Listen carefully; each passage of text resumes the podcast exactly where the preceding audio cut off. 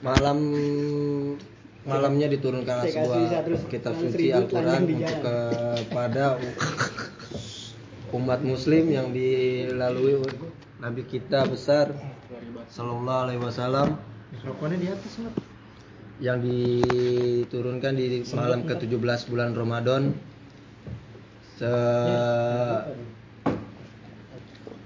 sebagaimana eh, wahyu yang pertama diturunkan adalah Iqra membaca. Sedangkan Nabi Muhammad tidak memba- tidak bisa membaca dan menulis. Ketika malam itu Nabi Muhammad SAW berada di Gua Hiro yang didatangkan oleh Jibril dan diperintahkan Mat. Iya kan baru Astagfirullahaladzim. ngomong dikit, baru ngomong dikit. Masih hafal tuh. Oh. Kayak Salome anjing nggak nyatet. Baru ngomong dikit aja. gue catet ada Apa?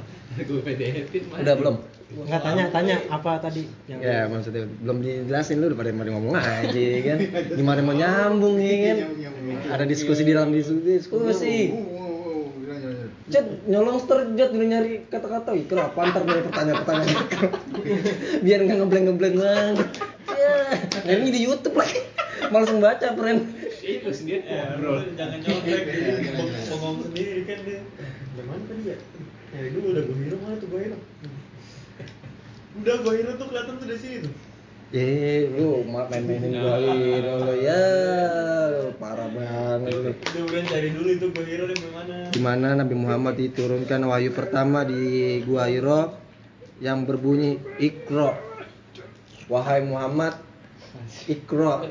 Muhammad menjawab, Nabi Muhammad menjawab, apa yang harus saya baca ya eh, ya Jibril? Sampai mengulangi ketiga kali. Nabi eh, Ji- Jibril mengulangi kata Iqra. Lalu yang keempat kalinya Nabi Muhammad memejamkan matanya dan melihat semua alam semesta semana-mana eh, sebagaimana Iqra itu bukan hanya sekedar membaca tapi hanya se, se- bisa dipahami menelaah, menteliti, memahami kehidupan dan untuk eh, kemaslahatan umatnya. Artinya seperti itu. Sebenarnya sejak eh, asal usulnya manusia itu telah diberi potensi kepada potensi yang diberikan Allah untuk membuat ingin belajar. Manusia mempelajari apa yang dipelajari dan mengetahui apa yang diketahui. Membaca menjadi modal yang penting untuk mewujudkan peradaban manusia yang lebih baik. Iko, ikro berarti bacalah, mengertilah, pahamilah, cerdaslah, berpikir majulah dan bervisilah. Hal ini terbukti dengan ikro Nabi Muhammad mampu membangun umat Islam, umat yang diharapkan oleh Allah. Yang pertama, eh, saya pengen dengar kata eh, penger- mak apa makna ikro yang dimaksudkan dan dituju, ditujukan untuk Nabi Muhammad. Pandangan teman-teman itu seperti apa yang eh, perintah untuk membangun umat Islam makna ikro untuk Nabi Muhammad itu. Kira- Kiranya ada yang bisa memberi pandangan anjing anjing biasanya anjing Bacanya anjing dulu. Tadi kan yang pertama kan itu kan yang, yang kita ketahui adalah bacalah. Tapi nggak nggak sekedar hanya membaca, meneliti, menelaah, melihat alam semesta dan berpikir maju untuk ke depannya. Dan yang dimaksud tersebut itu kepada Nabi Muhammad makna ikro ke untuk Rasulullah untuk membangun umat Islam seperti apa kira-kira? Mengapa Allah mem- memberi wahyu pertama itu ikro? Ya walaupun emang sebenarnya ini emang harus ada dalilnya atau apanya, seenggaknya kita kayak mesti peman- pema- pandangan kita sendiri. Ini sih nggak ada yang salah nggak ada yang benar. Ngopi lu bur. Dari siapa? Tahu-tahu sendiri lu. Iya, kan Kenapa? bilang? Tunjuk yang mau. Enggak tunjuk aja. Gue. Karena karena di, model diskusi kita udah gue udah sepakatin sama Ajat karena nggak ada nggak ada nggak ada nggak ada lempar-lemparan karena ini Siapa memakan banyak waktu ya kan. Ya aja tuh. yang mau. Mending berbobot eh, kata-kata lu ya kan kata-kata lu nggak berbobot berputar-putar doang. Ya kan. Iya kan? Udah ke orang. Sebenarnya gampang sih kita ngelihat Ikro tuh baca lah lihat aja bubur gitu. Dia nggak pernah ngebaca dan nggak pernah ngerti dan nggak pernah nelaah ya kan? Asal ucap asal bertindak sedikit aksi banyak berbicara friend. Oke, oke. itu sih menurut gue dari gitu kalau pandangan gue gitu. Nanti dari bubur aja. Pandangan anak Konting, gue konting. konting ya kan? Kolek tas tas tas tas. Recall, recall. ya. Ikro, ikro, ikro. Ikro, Bismillahirrahmanirrahim. iya mau disebutin ada juga sih tapi gue ngerti salah kalau ada kalau ada hari sih Bacalah, apa sih artinya kalau bacalah sebagaimana diturunkan wahyu ya kalau salah Mm-mm. dari Allah ya. Ba- bacalah dengan menyebut nama Nah, Tuhanmu dengan menyebut nama Tuhanmu kan berarti bacalah dengan menyebut nama Allah ya. Hmm. Pandangan kenapa yang turun pertama itu adalah membaca khususnya uh, Nabi Muhammad yang mana kita ketahui kan berdasarkan cerita ya atau kisah sirah Nabi Muhammad itu nggak bisa baca tulis. Terus yang pertama muncul adalah uh, di Gua Hira itu wahyu pertama di um- usia Nabi Muhammad sebagai Rasul di umur 40 di diutus malaikat Jibril uh, untuk memberitahu terkait Iqra. Kenapa Iqra? Kalau pandangan gue pribadi yang berdasarkan Nabi Muhammad ya itu karena segala siklus eh, di semesta ini memang harus dimulai dari membaca membaca diri membaca sekitar itu kita bisa akan eh, dari situ kita akan bisa membuat perubahan. Perubahan kecil perubahan berjangka dan perubahan besar. Makanya eh, di, di, di ayat pertama itu kan eh, bacalah dengan menyebut nama Tuhanmu. Jadi semua yang kita baca kita membaca diri kita baca lingkungan dan segala macam itu semata-mata hanya karena Allah. Sehingga apa pun itu akan dengan mudah kita mengerti contoh kan baca itu kan nggak selamanya kayak kita belajar tentang huruf ya atau segala macam. Anak kecil aja misalnya eh, anak-anak bayi lah. Anak bayi itu nggak dia nggak nggak perlu ini istilahnya ibu itu nggak perlu tahu dia bisa ngomong apa. Tapi dengan bahasa tubuh dengan baca bahasa tubuh anaknya aja eh, ibu itu udah tahu anak ini butuh susu atau eh, anak ini kelaparan kan segala macam.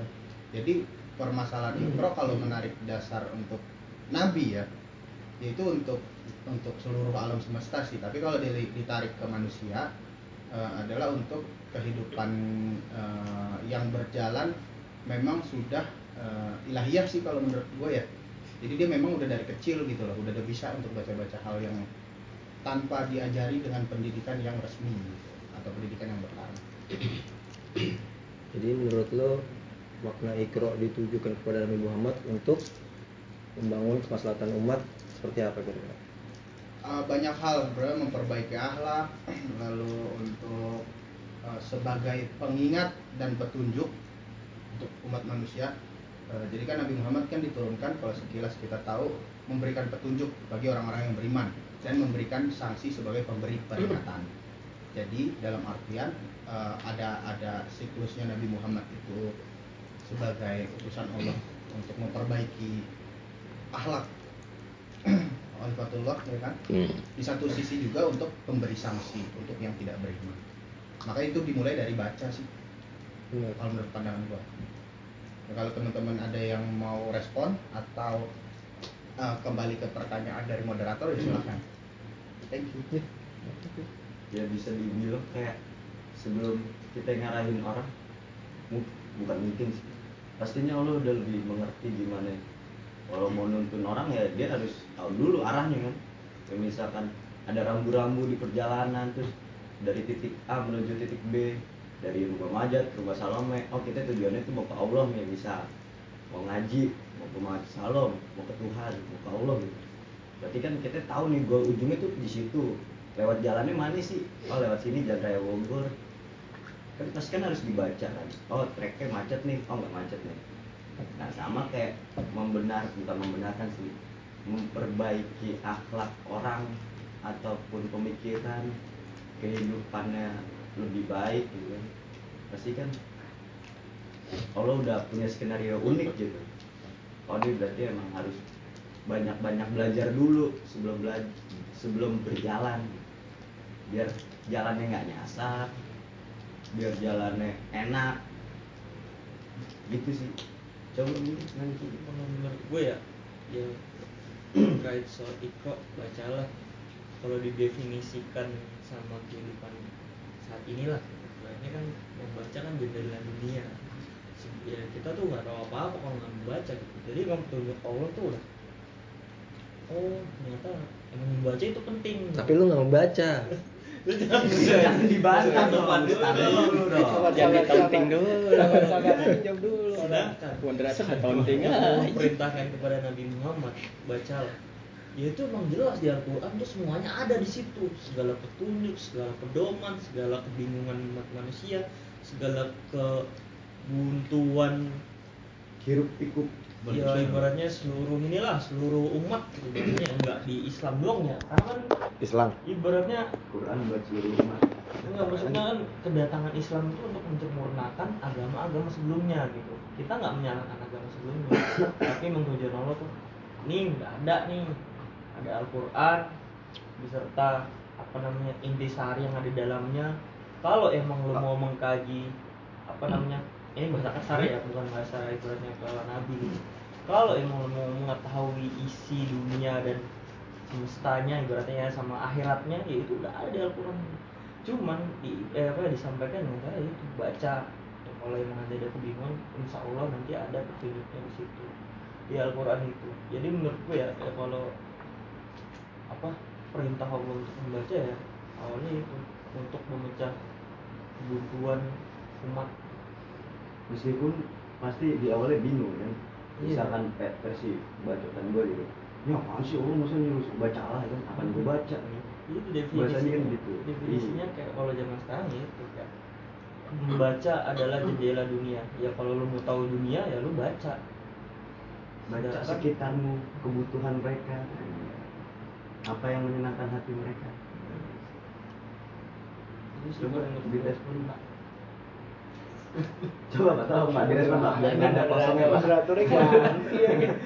kayak udah pada ngantuk nih moderatornya pasif nih Dan lu nya aja nggak berbobot anjing apa yang mau dibahas apa yang mau dibahas. nggak ada topik-topik yang memantik Enggak kata lu baca itu adalah jendela dunia untuk mengerti seisi dunia. Sedangkan lu aja lu ngomong nggak berbobot atau ngomong tuh seisi hati lu. Gue yang yang gue perlukan di sini kan apa yang lu lu hidupin, apa yang lu jalanin. Kayak tadi mah aja tuh bilang ngapa ikro itu eh, seruan pertama itu baca ya untuk me- menyempurnakan kehidupan manusia. Nah dia udah hidupnya udah sempurna, lu kagak sempurna. iya iya iya iya Aturan seharusnya lu kalau gue jadi lu ya kan. emang lu jam bisa menilai ding ding Orang kan kan gue bilang tadi apa makna ikro dalam kehidupan sehari dan kenapa makna ikro ditujukan kepada Nabi Muhammad? I i. Gitu. I- i- untuk membuka agar gue agar gue bisa mengetahui apa yang gue gak tahu karena gue bodoh gitu. Ya ngomong gitu kan enak ya. Jadi oh ya siap.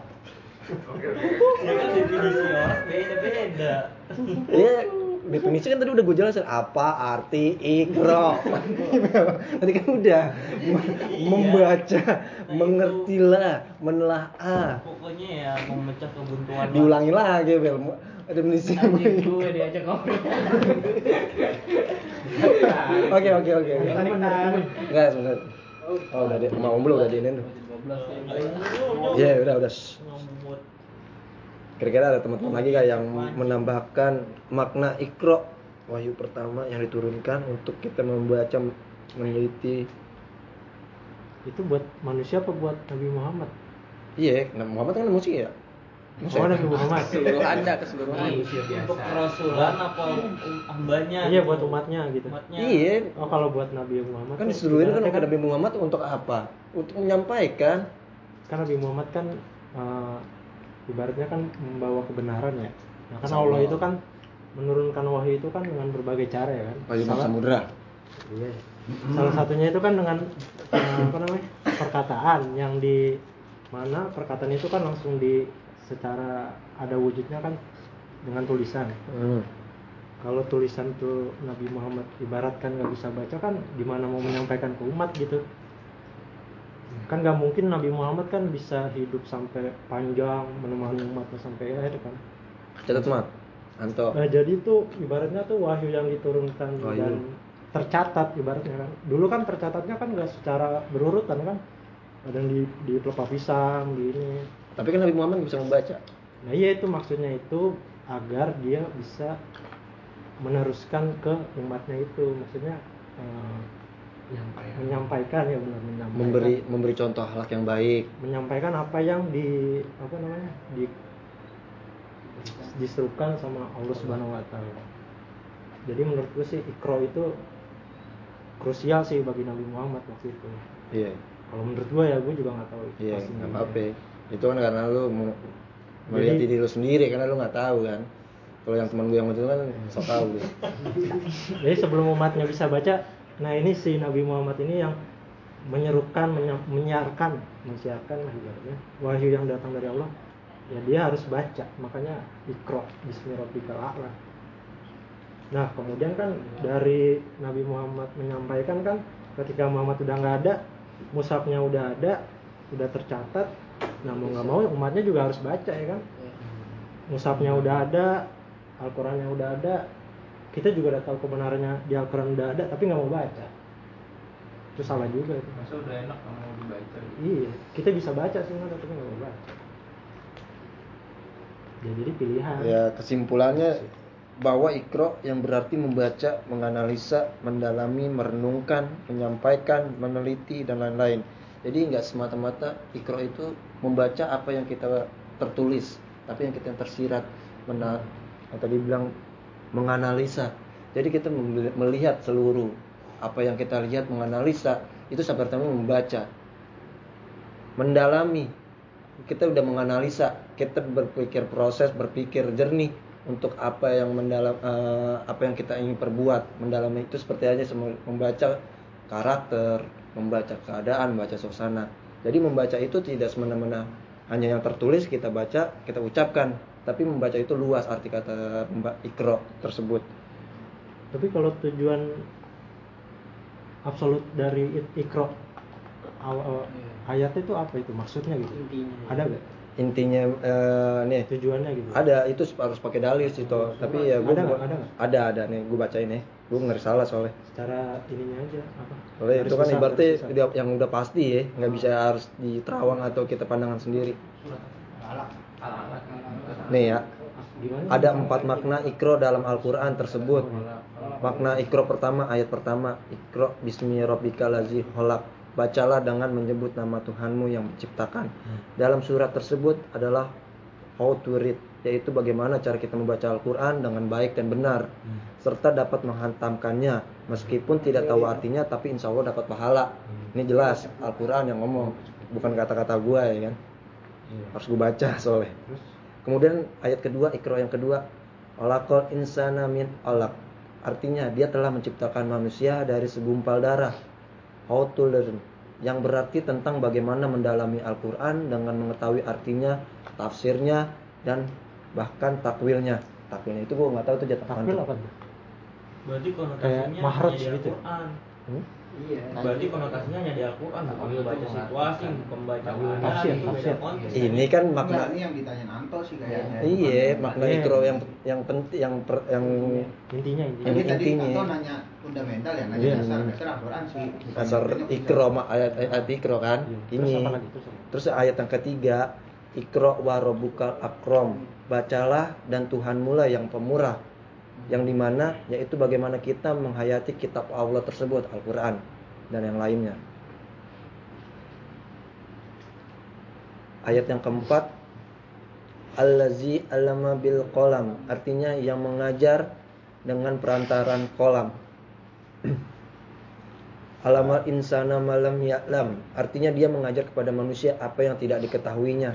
Sebenarnya kalau misalkan kita berbicara tentang ikro itu intisarinya emang satu sampai lima. Satu sampai lima karena kenapa emang itu yang awal-awal diturunin jadi sebetulnya memang itu adalah eh, kehidupan yang sesungguhnya setiap makhluk ya dari dia mulai eh, lahir di alam ruh alam dunia itu semua adalah proses dari ala-ala sih sebetulnya ya. Karena kalau yang kita lihat di sini kita emang harus menjadi manusia Al-Quran karena Muhammad yang kita tahu nggak bisa baca dan tulis tapi Al-Quran adalah Muhammad gitu loh istimewanya. Karena kan nurun ala nur gitu cahaya dan cahaya kan Nabi Muhammad memang udah ada gitu. Bahkan kalau sekelibet kita tarik ke masa sebelumnya Nabi Adam pun udah bersahadat. Dia nggak peduli eh, kenapa ada Muhammad di situ. Sedangkan Muhammad itu memang udah ada di samping Allah. Dan dia beranggapan dengan pikiran dangkal dia pada saat itu Adam bilang siapa pun Muhammad itu makhluk seperti apa pun Muhammad dia adalah yang terbaik di seluruh alam semesta. Karena ketika saya sudah di bumi turun di bumi saya melihat mu- nama Muhammad di samping Tuhanku. Jadi istilahnya ya Nabi Muhammad yang kita tahu nggak bisa baca dan tulis tapi kehidupan Nabi Muhammad adalah Al-Quran. Jadi kenapa ada mushaf sebenarnya itu kan kita tahu Nabi Muhammad nggak bisa jawab pertanyaan nih. Ya Allah sendiri yang jawab. Melalui siapa? Jibril. Jadi yang lain sebenarnya yang nyusun yang kita tahu mushaf Al-Quran itu lengkap pas zaman siapa? Umar kalau nggak salah.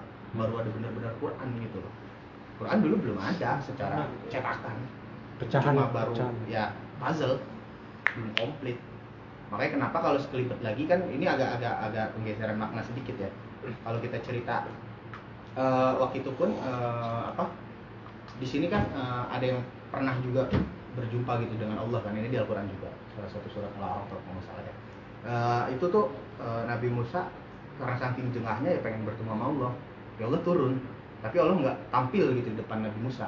Dia cuma pengen bilang ke Nabi Musa lu lihat gunung aja. Gue bakal bakal nunjukin diri gue ke depan gunung depan lo terus pas dilihat apa?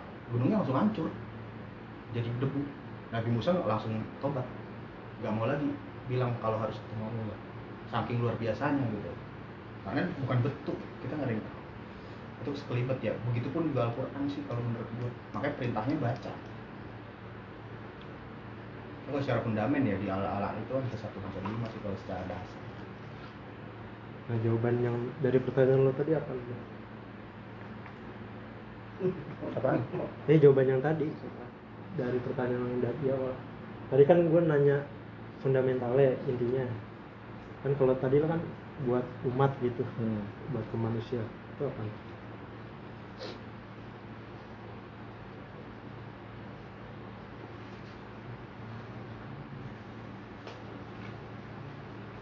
itu memang dasarnya baca loh Betul. jadi ya memang setiap setiap manusia ya kita bukan berbicara manusia aja sih setiap makhluk pun ya jin aja udah paham banget Al-Quran. Sangat luar biasa gitu. Ber, ber- mungkin berjuta-juta tahun lebih paham Al-Quran dibanding manusia. Dia lebih ikro dari manusia. sangat lebih ikro cuman dia ingkar. Manusia nggak ikro udah nggak ikro ingkar. Nah itu kan aneh. Ya coba kita buka lagi Al-Qurannya gitu loh kita telah lagi ya nggak apa-apa. Maksudnya baca aja dulu baca dulu mengerti pahami jalani Bisa. soalnya itu emang fundamen kalau kita kan karena Allah e, ngasih sendiri kan e, makhluknya yang mengkaji Al-Quran dan mengamalkan hidupnya pasti benar. Dibilang nggak benar nggak mungkin. Kalau menurut gue ya kalau orang yang benar-benar ingin Al-Quran karena kan memang Allah sendiri menyempurnakan kitab-kitab sebelumnya sebagai fundamen dan fondasi da- sampai sampai kehidupan di bumi yang fana ini hancur sampai kiamat sampai hisab nanti itu semua Al-Quran Iya. Iya, ini toh. Maks eh, jawaban yang tertulis dan yang sudah ada gitu ya, tanpa pandangan. Ikro adalah tuntunan pertama yang diberikan Allah SWT kepada manusia. Satu-satunya makhluk yang diberi potensi dan sekalipun yang tidak diberikan oleh malaikat. Potensi yang tidak eh, semakin tinggi pembacaan, semakin terbuka rahasia-rahasia alam dan semakin berkembang pula ilmu pengetahuan. Tidak berlebihan jika dikatakan bahwa ikro merupakan syarat utama guna membangun peradaban. Ikro bukan hanya ditunjukkan kepada Nabi Muhammad SAW, tapi juga untuk seluruh umat manusia sepanjang masa, karena realisi, realisasi perintah ikro merupakan pintu gerbang menuju kepada kebahagiaan hidup di dunia dan akhirat. Jadi mak- maksudnya kita kenapa surah pertama ikro kita ya? Kita kita harus membangun peradaban melihat sesuatu ke depan dan menelaah dan meneliti gitu. Dan di nggak di nggak di apa sih namanya? Ilmuwan-ilmuwan luar negeri emang udah mengakui Al-Quran bener sih. Iya kan? Iya. penelitiannya udah dari situ semua. Iya, karena kan kalau mereka kan sebatas itu adalah literasi aja, Iya, literasi. karena nggak ada iman untuk mereka Iya. gitu. Iya. Karena tujuan Sebatas- mereka adalah pengetahuan bukan iman. sebatas apa namanya sumber-sumber iya segala sesuatunya emang udah ada Udah bener masih sih. masih butuh ini toh dia percaya tapi nggak yakin nggak bisa Cuman- kalau dibaca oh ini artinya air maksudnya air nggak juga bahasa Al-Quran Iya. tuh kayak tersirat loh cuman kalau udah kita kalau udah kita kaji terus kita Iya. oh ternyata Makanya, Iya, betul. makanya kan eh, almarhum Abdurrahman Wahid kan pernah bilang kan, eh, sebenarnya dalil nggak perlu bagi maaf ya ini ini emang agak jelimet ya ini jadi telah 100% ya anggap aja omongan gila ya. Maksudnya dalil itu nggak perlu sebetulnya yang perlu itu akal. Maksudnya kenapa? Ya, manusia itu jangan cuma ngelihat Al-Quran sebagai literasi aja tapi harus pakai akal. Karena itu bisa jadi apa pun banyak banyak hal gitu. jadi harus dikaji maksudnya kayak gitu bukan cuma dibaca makanya ikro ini bersinggungan dengan ya benar menganalisa meneliti ya kita tahu ada yang dievaluasi ada yang diperbaiki kita jalanin. Nggak cuma dijalanin disebarluaskan. Makanya eh, menjadi manusia Muhammad itu kan dimulai dari diri kita sendiri. Dengan kita siar gitu sama sesama. Kita tahu nih kita dapat lebih nih ya harus dikasih. Jangan disimpan sendiri. Tapi kalau misalkan disimpan sendiri itu jadi bencana. Kalau misalkan dikasih yang ke lain timbul sombong jadi marah bahaya. Makanya longsor-longsor juga ilmu orang. Kalau misalkan dia nggak diserahkan kembali ke ayat pertama tadi kan apa bacalah dengan menyebut nama, Nama Tuhanmu. Tuhanmu. nah mereka membaca mengimani menjalankan tapi tidak menyebut nama Tuhannya. Makanya longsor rata-rata.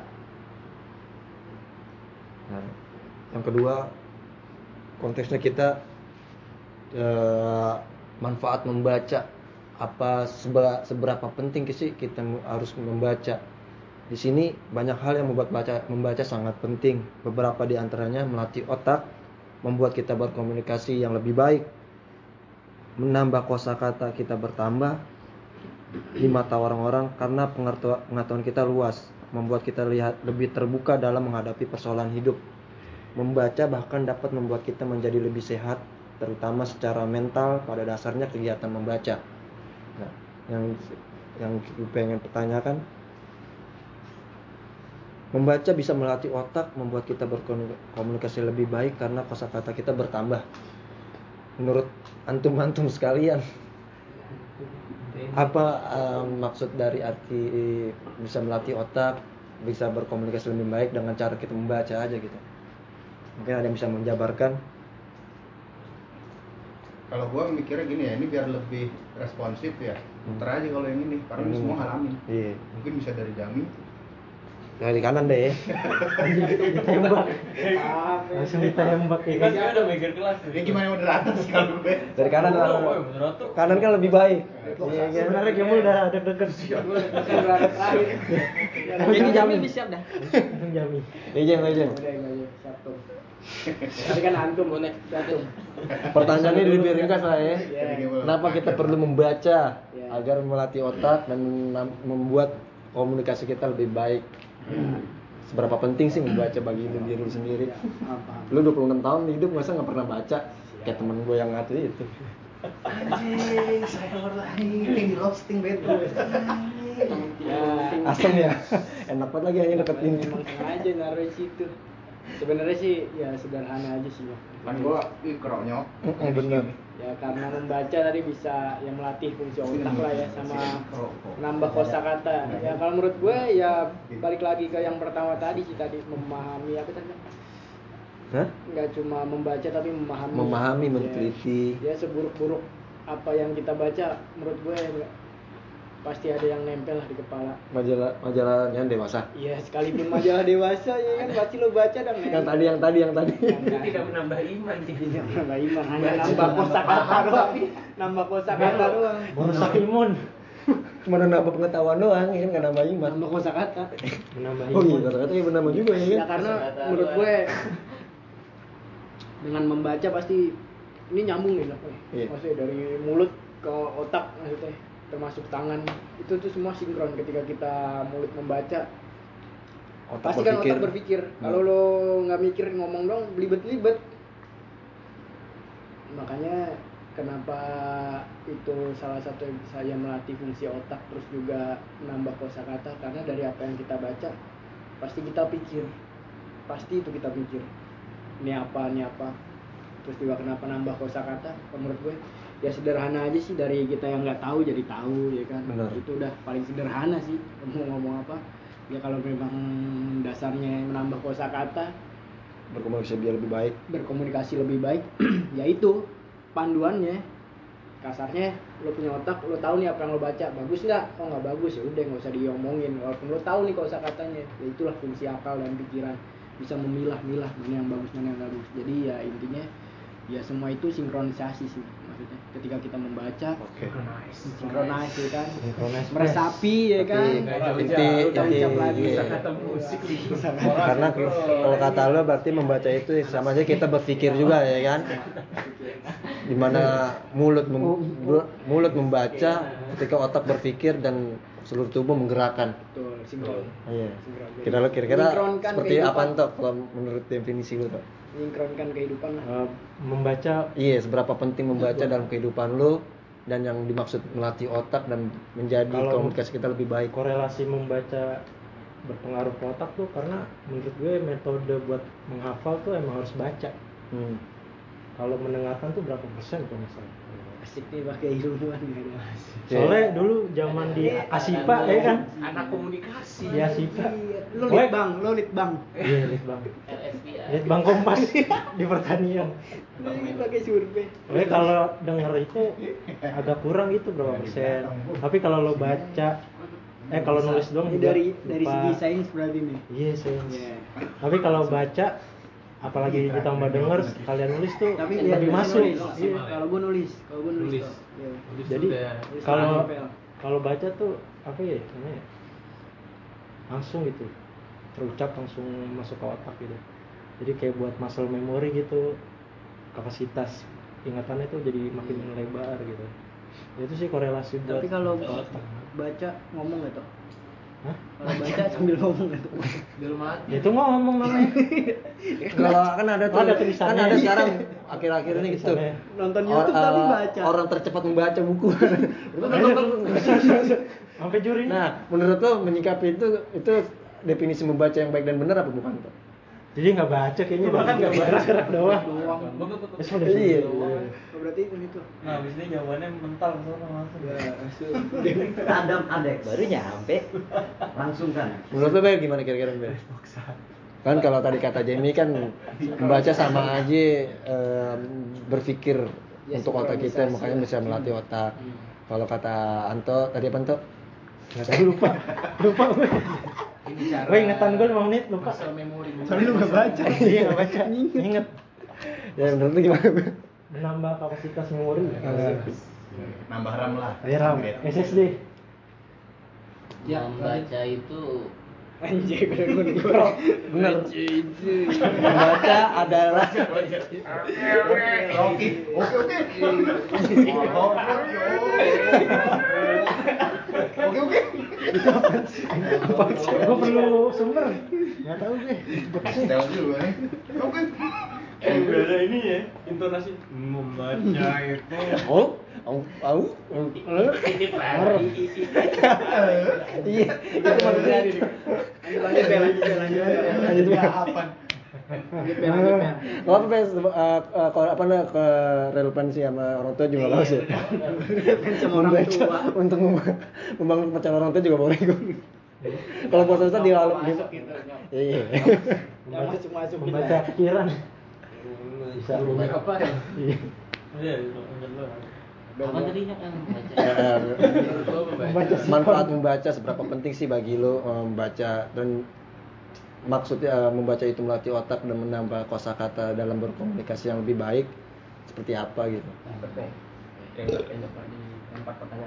manfaat membaca untuk melatih kosakata yang lebih baik itu jadi kayak gini nih kan kita lagi ditanya-tanya kayak gini Iya.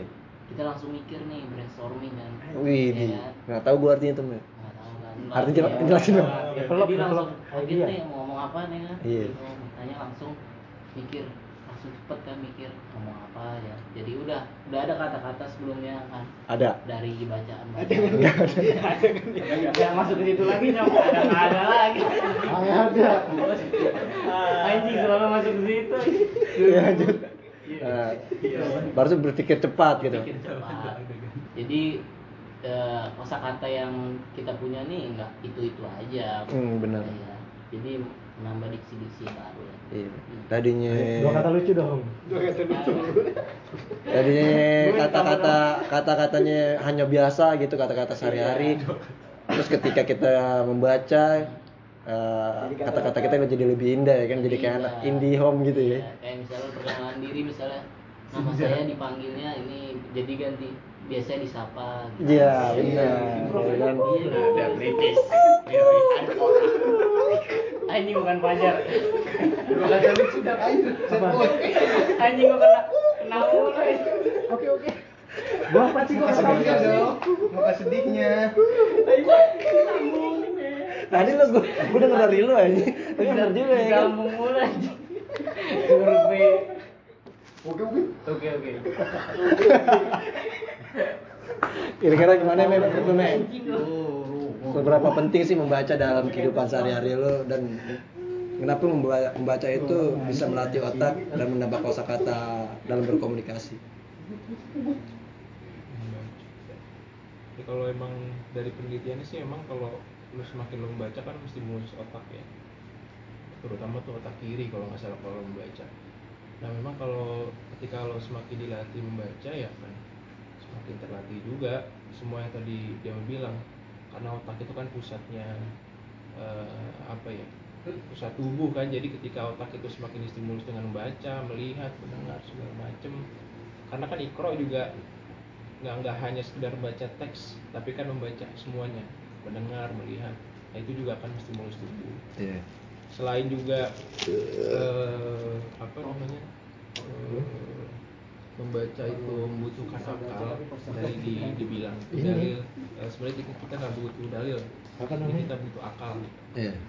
eh betul I- apa namanya para ilmuwan juga Amerika. pakai akal gitu dalam melihat kebenarannya kadang tapi kebenaran itu bisa kedua arah bisa dia buat dia lebih jauh atau buat dia iya, lebih nggak dekat ya? Iya. nah supaya dia lebih dekat gimana caranya eh, kesimpulan Oh, saintifik dia itu mendekati keimanan dengan niat eh dia. braille niat braille dia itu sebenarnya ke mana gitu. Braille baca Eh, sebenarnya kalau ngebaca itu dia tujuan awalnya sih nyok kalau gue lihat kayak niat lu membaca itu apa sih? Niat lu Apa yang belajar lu itu apa sih? Stephen Iya. Hawking ini dari niatnya. Hmm. kadang orang itu belajar hanya untuk pertama membuktikan kebenaran atau memang dia mengetes sesuatu apa yang dia udah tahu. Tahu ya. jadi makanya tadi gue bilang membaca eh, dengan akal bisa dua pedang lu bisa jauh dari agama atau lu bisa semakin dekat? Gimana lu cara semakin dekat? Niatnya apa? Iman lo eh, lu pengen bener-bener tahu menggali atau lu hanya ingin eh, sebatas melihat eh, Membandingkan kepuasan lo sendiri secara duniawi? Karena kan ya kalau misalkan eh, ilmuwan itu yang eh, sebenarnya kalau secara logis ilmuwan itu orang yang eh, paling cepat beriman harusnya ya karena kan dia pakai logika akal. Hmm. tapi kan ya kita tahu sendiri ilmuwan banyak yang ateis. Iya. kenapa karena ya dia nggak nggak mempergunakan niatnya untuk Iya. mencari Tuhan. Di mana?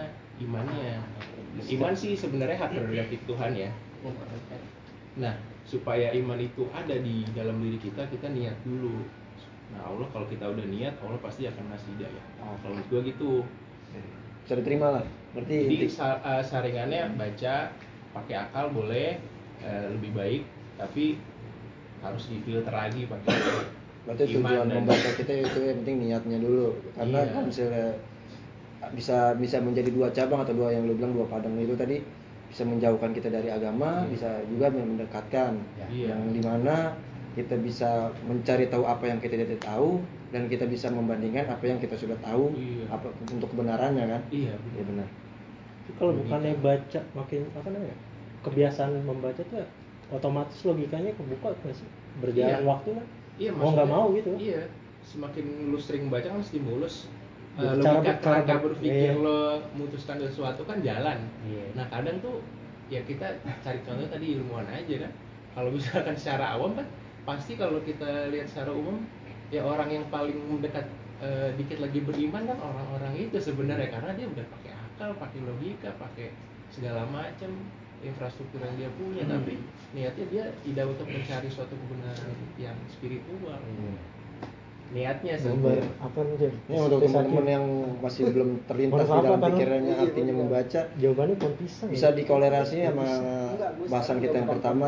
Membaca itu tidak hanya sekedar tertulis, kan. tapi bisa juga menteliti ya teman-teman bisa menjabarkan jangan hanya tertulis saja gitu. Kira-kira misalnya kayak kita membaca situasi, membaca Iya. karakter, membaca keadaan itu bisa dideskripsikan sama teman-teman yang belum bisa eh, yang belum Terakhir. terlintas di dalam pikirannya Iya, apa arti membaca dan Iya. kehidupan sehari-hari gitu kan kalau teman-teman dari Jami sampai Salome kan ini kan eh, yang dibahas kan membaca secara tertulis gitu yang udah ada Bisa. nah kira Ahmad sekretaris juga gak sih Iya. kalau misalnya gini Ya, Enam. Enggak, maksudnya lebih banyak recap dia kesimpulan. Sampai di kesimpulan doang gitu? Tidak. pas kemarin-kemarin? Apa langsung ya? kalian aja menurut lu gimana? Iya, bener juga. Seperti yang lu bilang ya, kayak semua ada yang tertulis dan ada hal-hal yang nggak tertulis kan. Hmm. Kayak misalkan norma-norma kehidupan, iya benar. Adab, akhlak, kan nggak harus ditulis kan. iya. Yang terus Itu. undang-undang Pancasila. Pancasila. Sama halnya kayak kita tujuan tujuan kita baca Quran kan pasti ada motifnya masing-masing tuh. iya gue sambil di sini ya belum rokok juga Gue juga pengen sih tadi. Kayak kita punya niat sama kayak tadi tuh. Kita pengen me, me- bukan bukan mereview sih, lebih kayak mencari apa itu kebenaran. Di dalam Al-Qur'an nih, apa iya di dalam surga begini, apa iya di dalam neraka kayak gini. Kalau kita cuma sekedar membaca ya iya stop di secara akal nggak masuk kan Ya, ah masa iya sih gini gini gini gini gini. Apa iya ini semesta diciptain cuma dalam enam hari? Iya. Karena kita sadar, pertama harus sadar dan itu mungkin ada kapasitasnya masing-masing dalam kita menyikapinya. Kayak misalkan ya anak SD mata kul mata kuliah ya. Hmm. materinya mata sorry materinya ya anak SD dulu. Ntar kalau udah masuk ke jenjang kuliah terus nah kapasitas. Kayak yang Anto bilang kayak oh ini berarti manusia ini udah sampai di kapasitas beranjak dewasa kayak kita nih. Udah waktunya lumrahnya berkeluarga dan kelak jadi seorang ayah apa sih yang lo dulu? Hari ini yang dulu pernah terjadi di lo dan pengen lo ubah di masa depan kan itu kan cara membaca yang tersirat kan Hmm. membaca kejadian ya, situasi Tapi emang benar sih yang kata Ahmad belajar ya membaca itu eh, dimulai dari tingkatannya gitu. Ah. Gua kemarin juga sempat sempat nyari kan manfaat membaca, arti membaca, pentingnya membaca. Ternyata banyak itu eh, keluar artikel-artikel. Pertama membaca di usia dini dari SD. Apa, apa pentingnya membaca eh, untuk pelajar SD? Apa pentingnya membaca eh, pelajar SMP sampai kita kehidupan setelah berkeluarga gitu. Ternyata emang eh, di dalam dunia sehari-hari kita itu membaca itu nggak hanya sebatas kita membaca yang tadi gue bilang gitu kayak tadi bilang anak SD ya mungkin kalau anak SD ya membaca sekedar membaca. Membaca dongeng membaca buku-buku cerita gitu kan. Ter SMP membaca. LKS gitu. Emang panjang sih penjelasannya karena gue nggak bakal FPHL. masukin karena kalau gue masukin bakal panjang gitu. Sampai ke mahasiswa gitu. Apa arti penting ba- membaca bagi mahasiswa. Sampai sekalipun ada eh, artikel arti penting membaca untuk sebuah dosen sebuah dokter gitu. Kalau misalnya teman-teman yang lebih jauh menelaah silakan dicari aja gitu. Banyak dosennya. ikatan membaca di di tingkat tingkatannya gitu. Ikan kelipan Cari. Kira-kira ada lagi nggak mas? ada sih. Pak. Tadi lihat. Hmm. mungkin rokok lagi. Lagian mat, taruh mat. Iya lah. tahan tahan tahan tahan. ngomongnya dulu. Ngopi Pokoknya tiga tiga nih. tiga tiga boleh ya boleh jadi tiga kedua siapa? Depan ngantri udah tiga kedua siapa? tetet tetet Ngomong udah tuh nyok. Karena dengan kita membaca Oh, kita masih. jadi lebih tahu. Cara cara bermain. Tadi kan gue ngomongnya iya kayak dengan kita bisa membaca kita tahu cara bermain dan menghasilkan sesuatu Brian maksudnya menghasilkan sesuatu gini kita dulu sekolah berharapnya gitu mungkin orang tua kita berharapnya kita lulus Nah, tuh mulai selesai. Nah di situ kita kayak aku belajar terus deh biar gue bisa lulus, belajar terus deh biar kita lulus. Bahkan sebenarnya manusia tuh nggak bisa lulus. An- eh, contoh gini, Lu apa sih anjing? contohnya gini. Tak dulu, contohnya gini. Tak dulu, bentar. Salah, Bur, dengerin Contoh nih, dulu. Salome udah udah nikah. Yang yang nyata nih, Salome udah nikah. Lu belum nikah. Iya. Lu berarti belum lulus. Sedangkan Salome udah lulus. Gue belum daftar malah. membaca Atau belum daftar kehidupan, kehidupan yang real dan nyata cari dulu dan juga emang dan juga Gua mau cari bangku udah waktunya nah Salome juga belum lulus. karena ya? Salome belum punya anak kayak Josi. Nah, ya, aduh, Josi B udah baru. punya anak dua. Entar ketika dia punya anak yang ketiga dia juga belum lulus lulus. Jadi teruslah be- belajar membaca sampai akhir hayat. Buat gue sih gitu sih. Berarti kagak ada ini wisuda kagak ada berarti. Wisudanya akhir hayat. lulusan yang hakiki itu apa? Ya kita pulang. Pulang ke mana? Ke anjay. Surga ya? tergantung karena dengan bersamanya. Anjay. Bang Oke oke oke. Oke oke. Anjay. Itu udah, lulus berarti Udah. iya udah lulus Bur, udah Bur, lo Bur. Jangan Kamu lu. Enggak, nanti terlalu melebar dia jadi pusing nih gue. Enggak. Jelasin kelulusan itu. Iya, udah Bur. Ya, amat ngerti. Jangan lulusnya yang dibahas. Iya, Dosen aja Emang objeknya itu sih Tapi kan sekedar meluruskan sebagai moderator lah, biar nggak panjang lebar. Ya yang maksud Ahmad itu ya mungkin lu, lu arti lulus itu ya hanya pendapat dia. Eh, maksudnya itu eh, arti kehidupan membaca eh membaca kehidupan selanjutnya. Ah. Ki- Kayak kita yang belum berkeluarga, kita ya jatuhnya belum lulus untuk kehidupan yang sebelumnya, eh selanjutnya. Iya, gitu. tapi kalau Nah, sekolah kita udah. Ya kan kalau fase sekolah kita udah lulus. Ya, Iya, iya, bahasa Maksudnya sekolah. lulus itu bukan Pada yang belum lulus. predikat ya, yang tertulis atau ya, maksud, maksud gue gitu sih kayaknya amat. Bener. Iya, sedangkan siapa yang menilai kelulusan itu kalau dia belum melaksanakan hal itu terus apa Iya. namanya Itu ibaratnya jadi Norm- satu- normatifnya. jadi satu pertanyaan juga Jadi- ntar lah. Berarti kan gue ada pertanyaan yang tersirat lah ya kan. Nah kan kalau misalkan kayak gini ya, kalau berbicara hal itu ya, Jadi lulus. kan ada orang eh, gini, eh, sa- salah satu pemikir lah pernah bilang, sekolah itu kan bukan tanda kita belajar, tapi tanda kita lulus. Iya, iya. Jadi kan tandanya eh, kalau misalkan parameternya adalah sesuatu yang. Tidak bisa Laptop kita masukin beda. lewat akal, itu nggak ada pembuktiannya, nggak ada parameternya. Cuma norma-norma kehidupan aja sih. Oh ini dia udah merit nih. Oh dia berarti udah lulus fase single ya kan kayak gitu sih.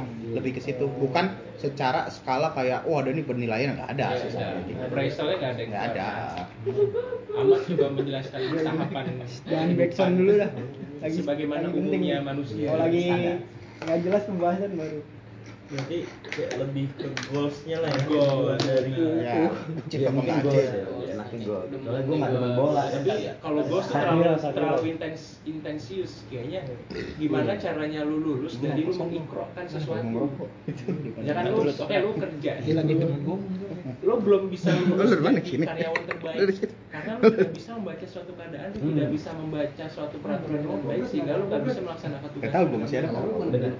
Di pada konteks tahapan lu bekerja, Util ada Gitu. pasti. Karir. karir. Sama gue juga. Ada lagi nih maksudnya amat berumah tangga. Ada lagi nih maksudnya amat punya anak. Benar. Lu gak bisa lulus jadi seorang bapak. Yang lu gak bisa mendidik anak lu dengan baik. Cara mendidik dengan baik, ya gitu lah maksudnya gitu salah yang Kira-kira tangkap. Dia menjelaskan tahapan kehidupan. ya lulus bukan berarti ini ya bukan skalanya kayak penilaian Bukan. Iya, Bukan. Samakan dengan pendidikan guru. Iya. Iya. Anda terlalu. iya bukan juga. Juga ada masalah itu masih panjang sih. Iya, beli aja dulu dong. Dulu lah. Sambil jalan. Ya, ya. Nah itu Depok tuh jalan tuh. Sama lu jawab dulu lu. apaan Iya, ya, Eh, dulu. Pokok jawab Eh, dulu pok. Enggak, belum? gue ini belum, bubur belum. Bubur belum. Dia baru ngerespon gue doang. iya lu belum nih jadi Nih, ya, tambahin dah. manfaat yang membaca ya. Taruh dulu sih duitnya taruh Eh, dulu. jam tahu jam celana gue. dari membaca kita Ya, mengulangnya ya. ya ya. Ya, Nah, Ini adalah contoh membaca. Oke oke. Kagak santai santai santai. dia tahu salah, akhirnya memperbaiki. udah jatuh nah, dikit lagi jatuh. Iya, banyak udah? Gua udah taruh sini aja pinggir dah. Saya langsung dipasang. Sampai ini. Pesen. Aman aman. ini. Aman aman. Tik bola pasti baseball nih.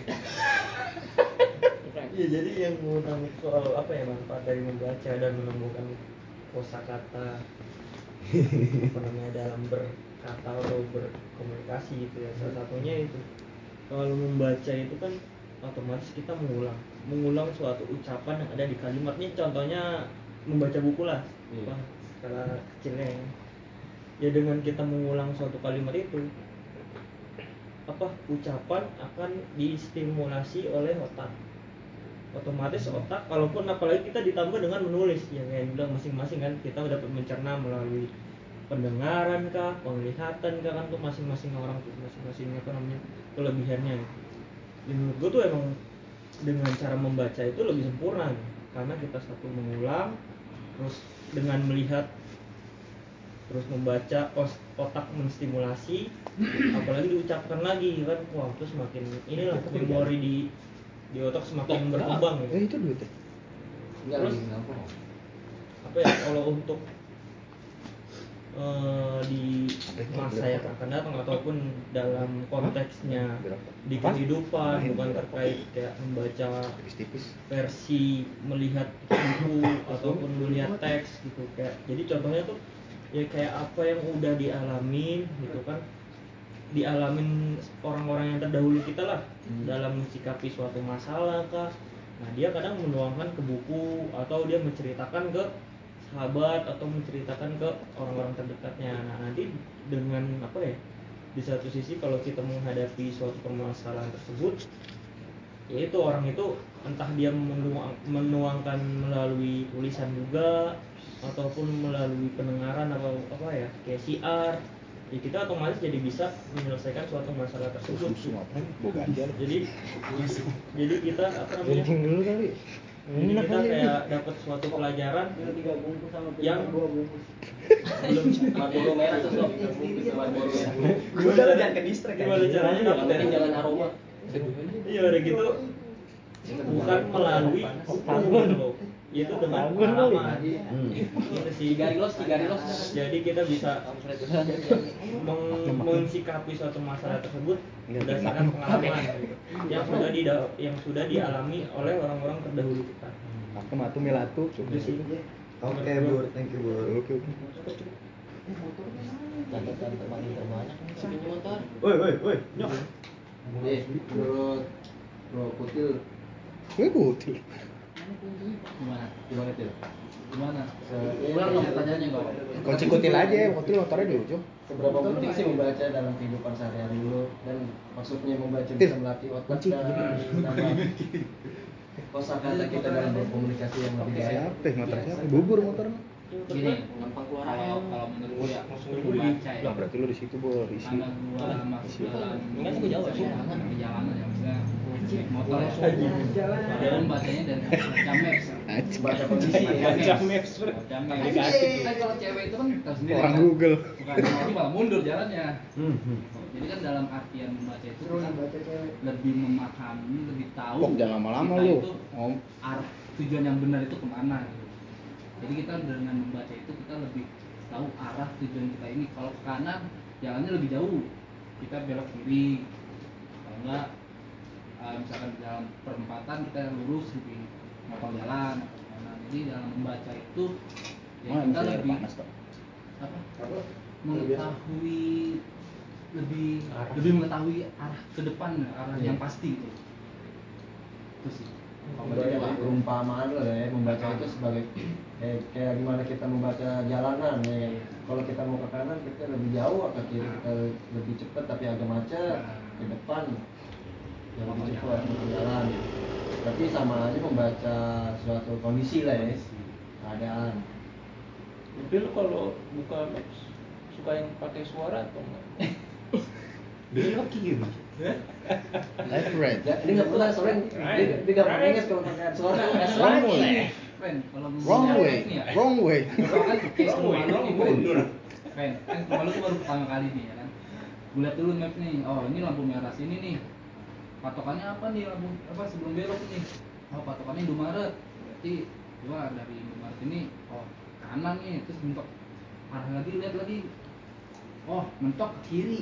Nah, habis itu nggak nggak jauh ke kanan. Oh, nggak jauh lagi ada masjid sebelah kanan lurus sedikit posisi sebelah kiri. Tuh. jadi Tapi yang bersih lu buka maps pas berhenti kan. pasti. Jangan pas lagi jalan. Oke. Ada Madex. Ridwan.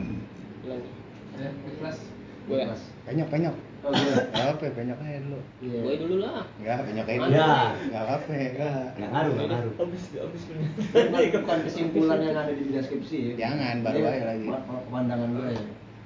Ya, gue emang salah satu orang yang malas membaca, malas berpikir gitu. Gue salah satu orang yang itu. Ya. Gue lebih suka mem- menonton dan men- mendengarkan. Itu yang gue alami nanti. Ya menurut gue seberapa penting apa, ya. Sebenarnya sangat penting. Tapi gue itu malah mengingkari. Membaca, membaca melatih otak kayak sama aja kita kayak me- mereview mereview apa yang kita baca gitu Gadget. melihat jadi itu membaca apa yang tertulis me- menganalisa jadinya sesuatu hal yang susah eh, yang gampang tapi untuk dilakukan susah gitu membaca itu. Tapi memudahkan kita. Ah. tapi kita malas. Dan membaca bisa menambah kosakata kayak teman-teman gitu udah bagus banget itu kata-katanya itu yang yang terlintas di dalam pikiran gua.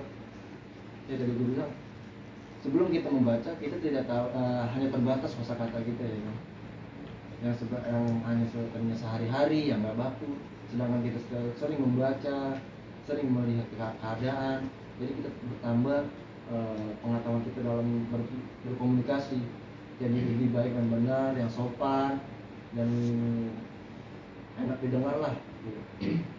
ya dan gue gitu sih membaca itu ya se- sesuatu yang mudah tapi sangat sulit dilakukan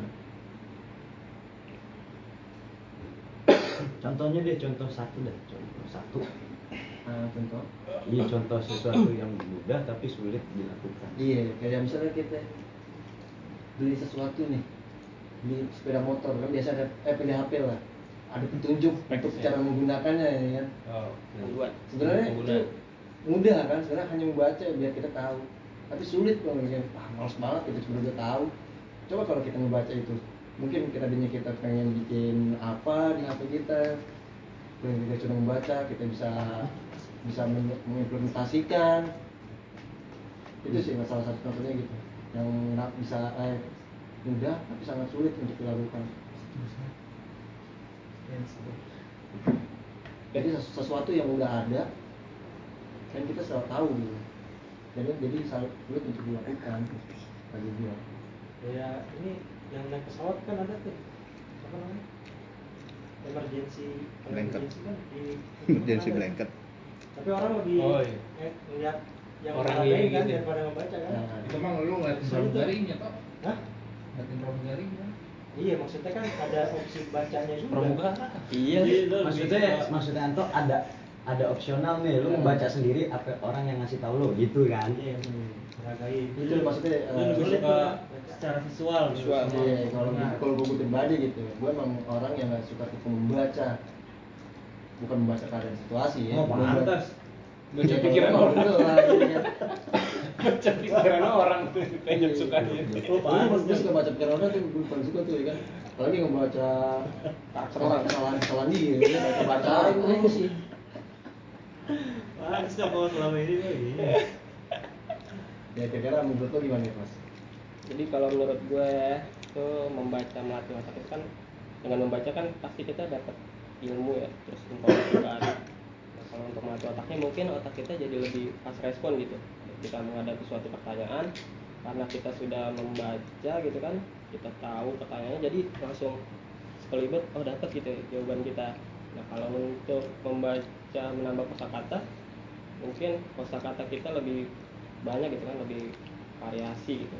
Jadi bisa menyesuaikan kosakata kita kalau kita ngobrol sama lebih tua kayak gimana untuk sama yang sebaya kita gimana jadi lebih apa ya istilahnya Oh Depok pas banget. baca situasi Depok habis ini. kosakatanya jadi kalau kita baca ah, apa masa kita variasi jadi kalau sama yang lebih tua oke gini kalau sama yang Menyesuaikan, sebaya kita menyesuaikan gitulah kalau menurut gue sih begitu adjustable adjustable Oke.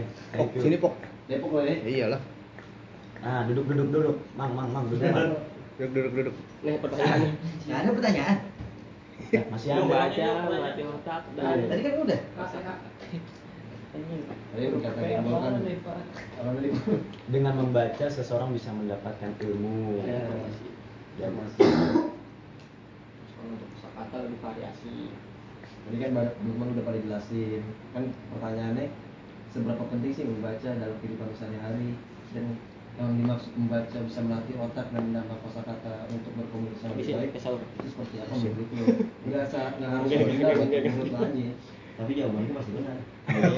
Amin. Bukan ini yang Harus yakin. Mau suruh ngomong nggak yakin. kapan lagi mau ada profesor Nopi anjir. Iya. Prince. Bisa prof Prince. Gue mau ngomong. Oh, sih, foto. Eh, jawab. Oke. Gue mau nulis. Oke. Jadi begini. Mengapa membaca itu penting? Dan mengapa membaca itu bisa menambah komunikasi menjadi lebih baik, nambah kota kosakata yang bervariasi. Itu tanda tanya. Nih answernya begini. Answer.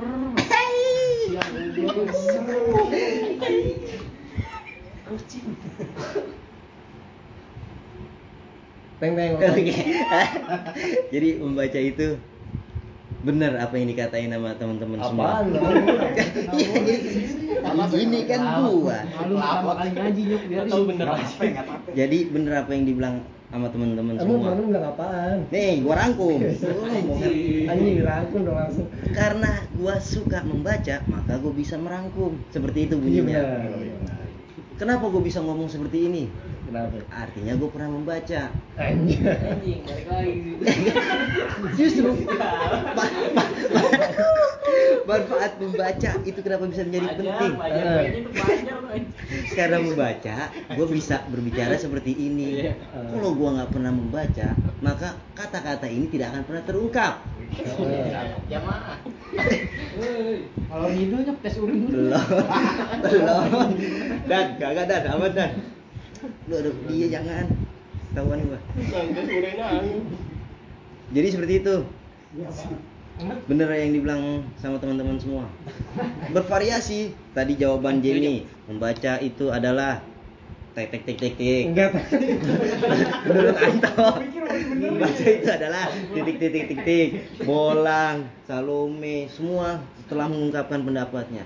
Jadi kenapa mereka semua ini bisa mengucapkan, mendefinisikan membaca itu seperti apa? Karena dia pernah membaca. Nah itu intinya. Jawabannya nggak menjawab. Itu jawaban kenapa bisa begitu penting. dalam banget sih. Ya kan? Iya, eh benar. Tapi karena seorang kata-kata dari seorang Depok jadi lucu. Kenapa coba gue sambungin ke Salome? Kenapa ilmuwan itu sebenarnya bisa mendekati dengan keimanan? Karena dia bisa pernah membaca. Tuh, karena ilmuwan itu membaca.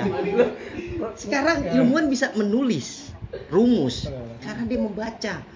Albert Einstein, Eh. gua kasih tahu. Dia lagi duduk di bawah pohon, Eh. pohon apel. Eh. Betul. Bukan bukan Einstein. Enggak bukan Einstein. Bukan lu nggak baca. Newton.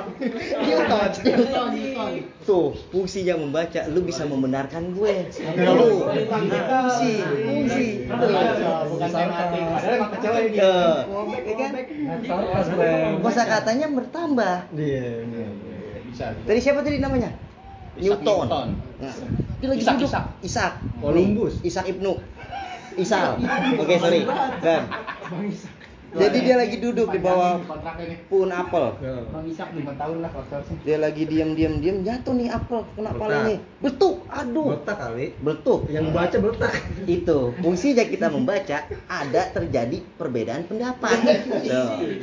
Karena regulasi kita berbeda. Lu kayak. Baca. Jatuh betul.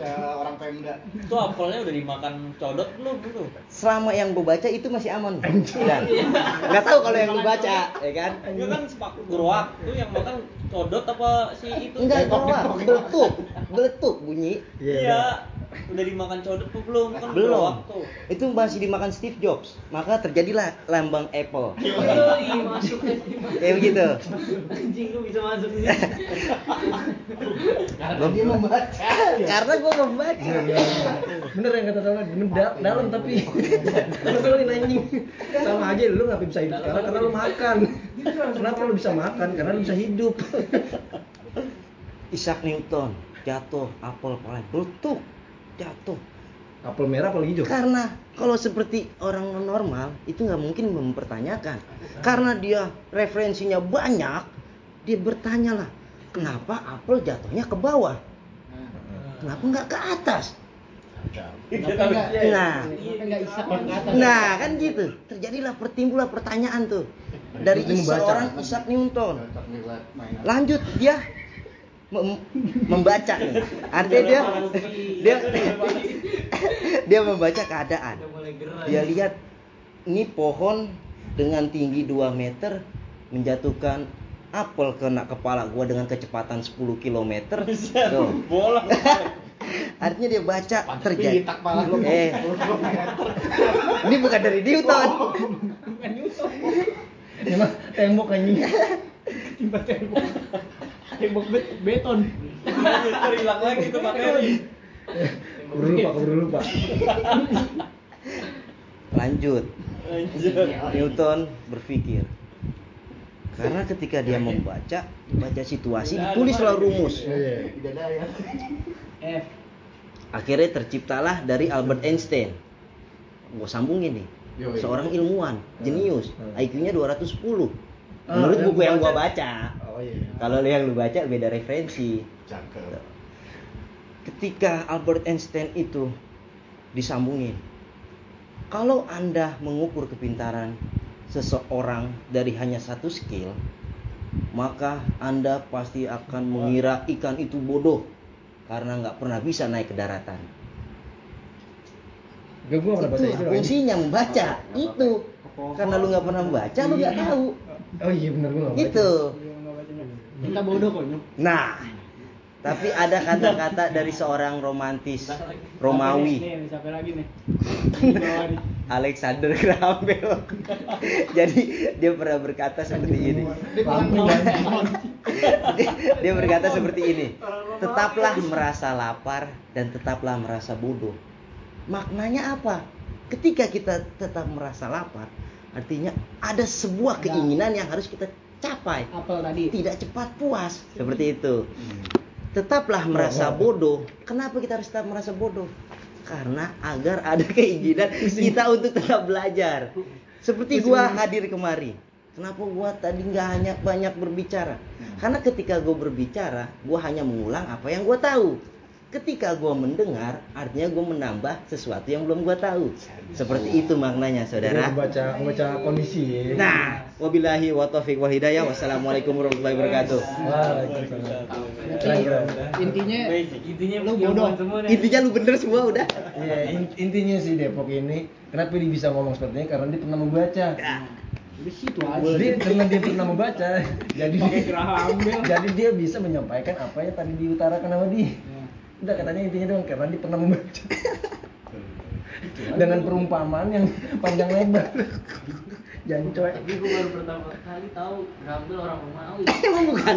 Gue nggak tahu. Romawi Romantis lagi. Oke. Berarti terakhir Majat lah ya kan. Kita yang tahu Majat sering membaca ya kan. Seberapa penting membaca bagi seorang Majat dan kenapa membaca bisa melatih otak lu Jat ya kan. Menambah kosakata lu yang lebih baik. Sebelumnya gue sangat berterima kasih dengan Mr. P alias pembaca. Kayak itu membaca ya. Pembaca ya. Penerjemah, penelaah, eh, pengocok mungkin. Kalau lagi nggak ngebaca, pengocok ya. Pembersih nih. Pembersih juga bisa. Dia ya. bukan Mr. perusuh bisa juga. Terima kasih Mr. P. Minta koltak lagi. banyak emang semua berawal dari P. Tuh, gua nambah kosakata. membaca. Iya, kita. Ya, hanya satu kata dibaca bisa panjang. Yoi. Pokoknya kita bisa lihat nanti eh, Isaac Newton tuh ada pitaknya nggak? Iya. Karena lumayan 10 km sebenarnya. Apa? Tadi sebenarnya gue mau nanya apelnya ada satu apa ada berapa gitu. Kalau apelnya ada seribu mati tuh. Ya. Nah, sekarang kita masuk ke ini ya berarti menambah kosakata dari membaca dan seberapa penting membaca ya. Kalau menurut paham gua kalau dibilang menambah kosakata sangat ya. Kita kan secara teori misalkan secara teori contohlah kita belajar bahasa, kita harus menambah kosakata. Itu secara simpel. Ada aturan mainnya gitu. Dalam hal-hal untuk membelajar eh, menjadi pembelajar dalam suatu bahasa. Kita harus menambah kosakata. Ilmu pun demikian. Setiap hari adalah belajar hal baru. Uh, dan itu bisa juga ditafsirkan dengan learning by doing ya kan? Jadi kita nggak cukup belajar tapi kita harus melaksanakan. Lalu juga seberapa penting sih membaca sangat penting. Karena nggak ada satupun di kehidupan ini tanpa uh, luput dari suatu hal yang kita baca. Entah itu baca literasi entah itu kita baca situasi kondisi dan segala macam dan gua korelasiin lagi karena ini kita forum kita adalah forum bisa dibilang mendekatkan diri ke Tuhan juga ya terutama di dalam eh, syair syair Arab pada masa itu. Karena orang Arab sangat suka bersyair makanya grafiti orang Arab tuh indah-indah artinya walaupun jelek-jelek tulisannya kayak gitu. Eh, ada istilah eh, istilah khairul jalis fi zamani. Kitabun ilmi. Jadi maksudnya sebaik-baiknya teman adalah buku. Maksudnya dalam artian buku ini luas Al-Quran itu adalah implementasi dari buku juga sebetulnya. Tapi yang memang mahakarya dari sang pencipta. Maka dari itu, setiap orang memang harus membaca. Karena gini, kita berteman sama teman, kita bisa hancur. Tapi kita berteman sama buku, kita bisa kuat. Tapi dampaknya apa? Ketika kita belajar hanya dari satu buku, kita menjadi manusia yang sangat sombong, sangat pintar, sangat luar biasa. Makanya kita nggak cukup membaca dari satu eh, hal, kita harus membaca dari banyak hal. Tadi Salome bilang, membaca bisa mendekatkan diri kepada Tuhan, bisa juga menjauhkan diri kepada Tuhan. Tergantung motifnya. Kalau misalkan para ilmuwan itu karena menuhankan akal dan pikiran sehingga dia tidak mencari keimanan di dalamnya sehingga dia adalah penantang.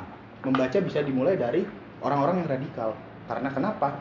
Mereka yang radikal itu suka eh, tertantang dengan hal-hal yang menurut mereka itu tabu istilahnya. Kita memiliki Tuhan, Tuhan yang mana? Mereka akan mencari mencari Tuhan versi mereka. Tapi karena Allah suka menyesatkan mereka dengan analisa mereka yang bisa masuk jadi logika orang makin tersesat. Lahirlah komunitas-komunitas ateis di mana pun sehingga mereka menuhankan akal dan pikiran mereka. Itu adalah lebih tinggi. Sedangkan eh, yang kita tahu ya kalau peristiwa itu kan berarti masuknya ke filsafat. Dan orang-orang para filsuf itu memang menuhankan akal pikiran dan ada filsafat muslim juga membantah mereka. Karena nggak mungkin segala sesuatu yang di alam semesta ini tidak ada yang menggerakkan. Mereka mencoba menyimpulkan dengan akal pikiran sehingga eh, apa pun yang menantang mereka bagi itu adalah suatu hal yang istilahnya adalah dongeng. Makanya Allah sangat suka gitu ngelihat orang-orang yang seperti itu. Makin disesatkan. Karena ketika dikasih sesuatu petunjuk, mereka akan makin ingkar. Terus makin ingkar sih. Tapi keingkaran mereka itu jadi ilmu pengetahuan bukan berarti ilmu yang mereka hasilkan itu buruk ya enggak. Karena yang ngebawa itu adalah tujuannya atau motifnya untuk melawan hukum alam semesta yang diciptakan Tuhan. Sehingga menurut gua ya eh, eh, menambah kosakata itu sangatlah penting setiap saat. Kita hari ini menambah kosakata forum ini adalah menambah kosakata setiap saat melatih kita lebih kritis menganalisa. Contohnya kayak gini misalkan teman-teman tadi ada yang berpendapat terus tiba-tiba ada yang wah apa ya, oke oke gue kan segala macam. Itu sebenarnya teori. Teori juga itu adalah teori dari komunikasi. Karena itu bagian dari shock terapi seseorang yang membaca seseorang yang dapat berpikir secara analitis itu mereka tidak akan terganggu dengan hal-hal kayak gitu. Kalau orang yang dalam artian dia bisa membaca dirinya itu adalah sesuatu gelombang yang menyenangkan. Mereka adalah peselancar. Mereka menikmati hal-hal demikian dan itu sangat berlaku memang di eh, dunia-dunia luar yang konteksnya adalah menghancurkan pikiran. Itu sangat dibutuhkan. Jadi kalau kalau gua mengambil hikmahnya ya dari yang apa yang kita lakuin candaan kita setiap kita bahas forum itu adalah pembelajaran. Kita membaca itu. Intinya satu kita jangan goyah dengan hal tersebut. Misalkan yang sebelahnya pasti kan oh udah nyiapin nih kosakata segala macam. Karena sesuatu hal memang membaca menghafal. Tapi menghafal itu bisa buyar. Karena menghafal itu mengikuti sesuatu hal yang kontekstual. Bukan sesuatu yang alamiah dari akal pikiran yang bersumber dari nurani. Sehingga kalau itu terpaku sama akal pikiran aja gampang dihancurin. Tapi kalau nuraninya ikut main di situ nggak nggak ngaruh. Kalau misalkan dia tahu nih orang ini ngomong tentang eh, ngalur ngidul segala macam gini-gini. Intinya baca dia tahu. Konteksnya adalah baca. Kita nggak akan melebar dari baca gitu tapi kan kadang ada orang yang juga dibuat muter. Tujuannya itu memang luar biasa. Karena biar yang lain juga mikir. Baca ini berpengaruh dengan hal-hal yang lain. Berpengaruh buat kehidupan kemaslahatan dan peradaban yang tadi dibilang. Karena dengan memulai kita membaca jendela kita luas kita tidak akan menjadi manusia satu dimensi. Kita kita akan lebih refleksi. Maksudnya dalam artian refleksi eh, yang terjadi di luar yang terjadi di luar diri kita itu kita berandai-andai kita ada di sana. Sehingga ketika sesuatu itu udah ada atau atau eh, menghampiri ke diri kita kita bisa paham oh ini evaluasinya seperti ini. Karena kita para pembaca gitu. Jadi kalau menurut gue membaca itu penting menambah kosakata dan yang paling penting sih memang sebaik-baiknya berteman adalah dengan buku. Tapi kalau yang di garis besar secara tersirat maksudnya dengan buku itu sebenarnya adalah Al-Quran. Sebanyak-banyak apa pun pengetahuan yang kita tahu buku atau apa pun itu cuma kulit. Semuanya ada di Al-Quran. Karena kalau secara eh, yang gue alamin ya gue membaca suatu buku A B C D E F G segala macam wah ternyata Al-Quran lebih dari itu kok. Sehingga gue pernah timbul suatu eh, kegelisahan dalam artian gue banyak baca buku misalkan kayak gini gini gini gini teori inilah teori ini segala ah semua ada loh di Al-Quran. Ternyata kita bisa dibilang ya kafir. Ada sesuatu kebenaran yang mutlak kita tidak buka itu. Al-Quran udah banyak loh sekarang ya kan eh, istilahnya apa sih? Musab ya misalkan yang ada asbabun nuzulnya. Misalkan ada ayat misalkan surat Al-Quran 8 ayat 45 misalkan itu di bawah biasanya ada keterangan loh. Misalkan 370 370 itu adalah asbabun nuzul. Sebab turunnya ayat. Nah kita sebagai orang awam terkadang kan kalau kita nggak punya guru kita kan bingung untuk mencapai "Ih, ini maksudnya apa? gitu. Walaupun kita semua paham ya puncak tertinggi dari ilmu adalah wallahu alam bisawab semuanya kita serahkan ke Allah karena nggak ada yang sempurna. Nah makanya sebab turunnya ayat itu adalah sebagai guru kita. Jadi nggak usah nggak usah jadi orang yang istilahnya "Ah, ini gue nanti takut salah tafsir. Nggak nggak perlu. Dengan sering kita membaca kita akan tahu tafsirnya. Allah pasti bakal buka itu. Buka buka gerbangnya. Ger- gerbangnya di mana? Di nurani. Tapi kalau kita udah mentok Al-Quran kayak gini bikin pusing gitu loh ya kan? Maksudnya ya karena emang Allah tahu ya lu baca lagi lu nggak selesai baca ini cuma sekali gitu loh. Satu ayat aja kita kaji bisa mungkin seribu kali biar kita tahu maksudnya. Bahkan seribu kali itu kita bisa jadi seribu jawaban. Ya itulah yang menurut gua akal Allah yang nggak bakal bisa disandingkan oleh siapa pun. Makanya dari itu muaranya dari membaca adalah yaitu khairul zalis zamani adalah ikro dan ikro itu adalah wahyu pertama yang turun dari Muhammad. Dari mungkin ya gua kurang paham alam semesta dan segala isinya ini dari awal terbentuk sampai akhir setiap insan insan kami setiap manusia harus membaca dan belajar oh, menurut gue ya Dedet. ya Oke. Jadi membaca itu sangat penting bagi kehidupan sehari-hari. Ya pertama yang dengan cara kita bisa membaca, kita bisa menambah wawasan, menambah pengetahuan, bisa memahami sesuatu yang belum kita ketahui. Malah jangan sampai membaca, dengan membaca kita bisa men- menjadi membawa ke seluruh jahilan kita lah. kan simpelnya kan membaca memerangi kebodohan ya Iya. karena orang jahiliyah kan nggak mau baca Membaca adalah salah satu aktivitas atau kegiatan melafalkan sebuah tulisan yang sangat penting bagi ma- mahasiswa dan pelajar dan masyarakat lain. Pentingnya membaca bagi kita. antara lain dapat menambah wawasan, menambah ilmu pengetahuan, menambah kosakata dan Di tentu luar saja aja. menambah semangat luar diri kita sendiri dalam menuntut ilmu untuk mencapai tujuan yang diinginkan. Dengan membaca buku baik secara offline atau online mana nih banyak disebutkan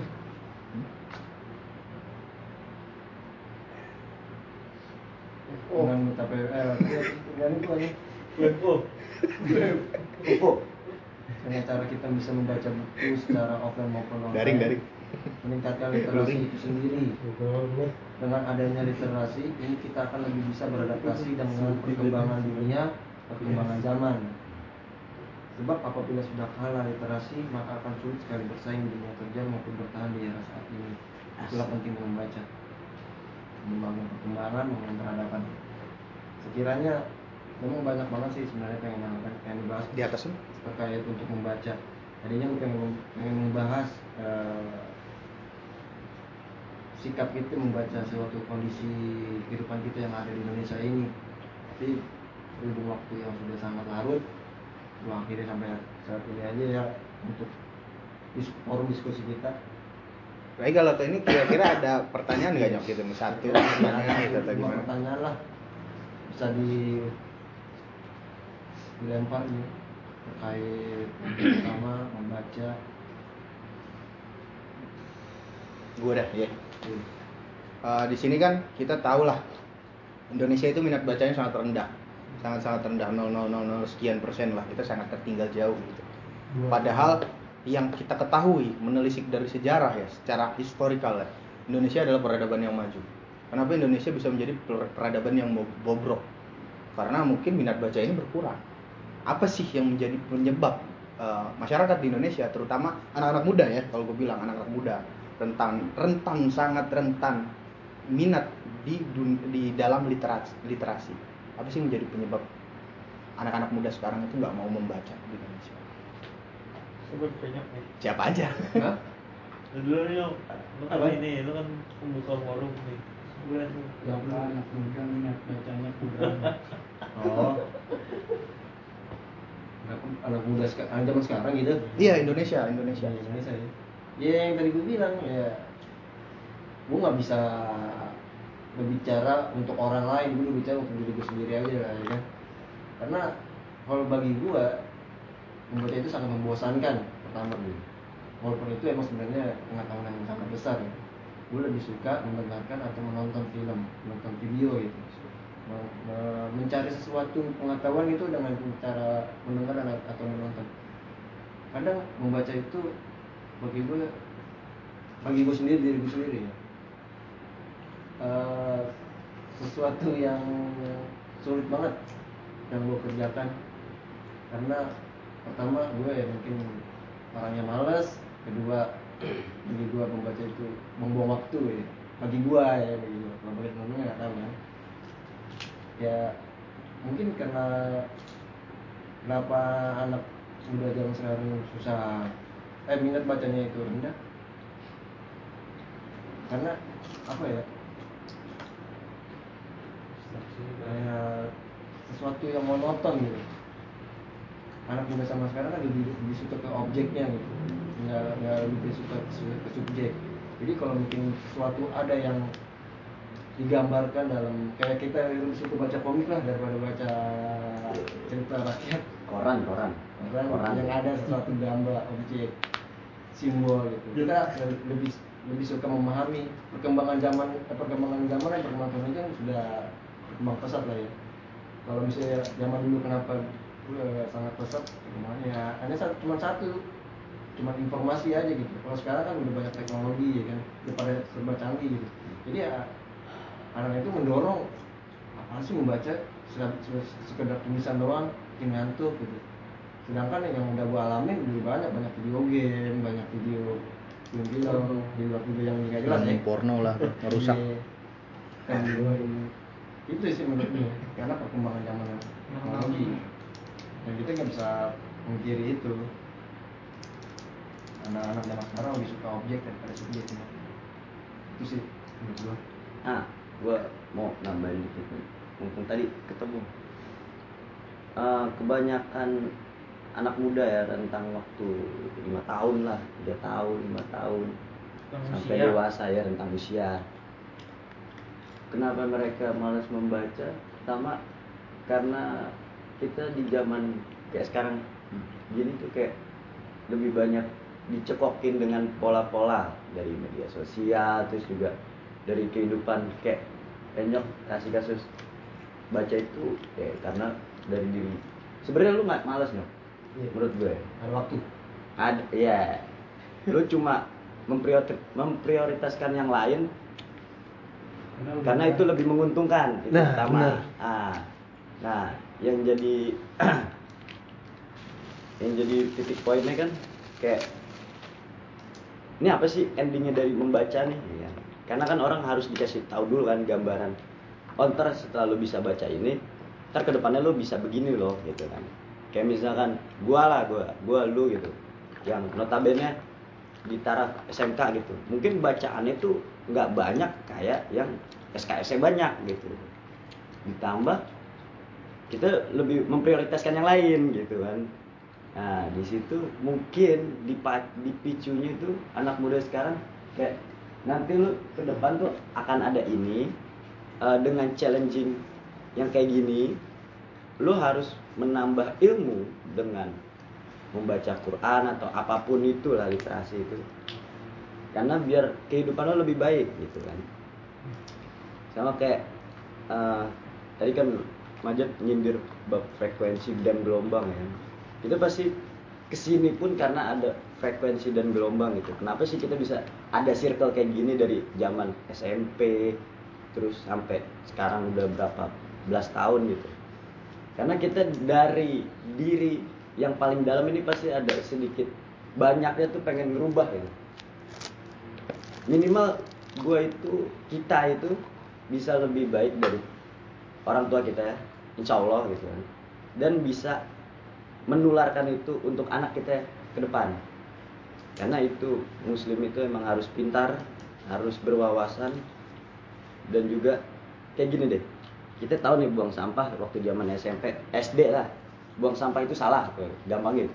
Sembarangan. tapi kita belum paham. Kita Buang baru sampah sembarangan. buang sampah sembarangan itu bikin banjir. Kita cuma dicekokin sama guru kita oh nih loh gini loh buang sampah sembarangan itu bikin, bisa bikin banjir bisa merusak lingkungan dan bla bla bla.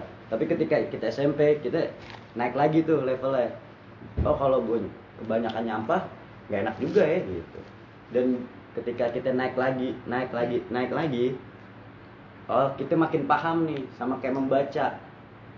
Mungkin sekali lo baca lo belum paham. Dua kali baca oh punya punya experience baru nih. Kayak si apa siapa? Nama lu? Ada madam Mr. P. pembaca. Pembaca. Pembaca ini ya kan? Mantap nih ya kan? Meskipun sekali dia modelan kayak Gus Dur. Dia cuma cukup dengerin sekalimat pertama tidur. Bisa Ya kan? mengetahui. pas akhir akhir akhir kalimatnya oh ini dia pasti bakal ngomongin A sampai Z. Nah itu itu uniknya Gus Dur gitu. Sama kayak presiden-presiden kita gitu. Mereka kan hobi baca kan kayak Soekarno yang baca sehari lima buku sebenarnya tuh dia cuma pengen anak keturunannya tuh punya gen yang ada di dalam tubuhnya dan seluruh umat gitu.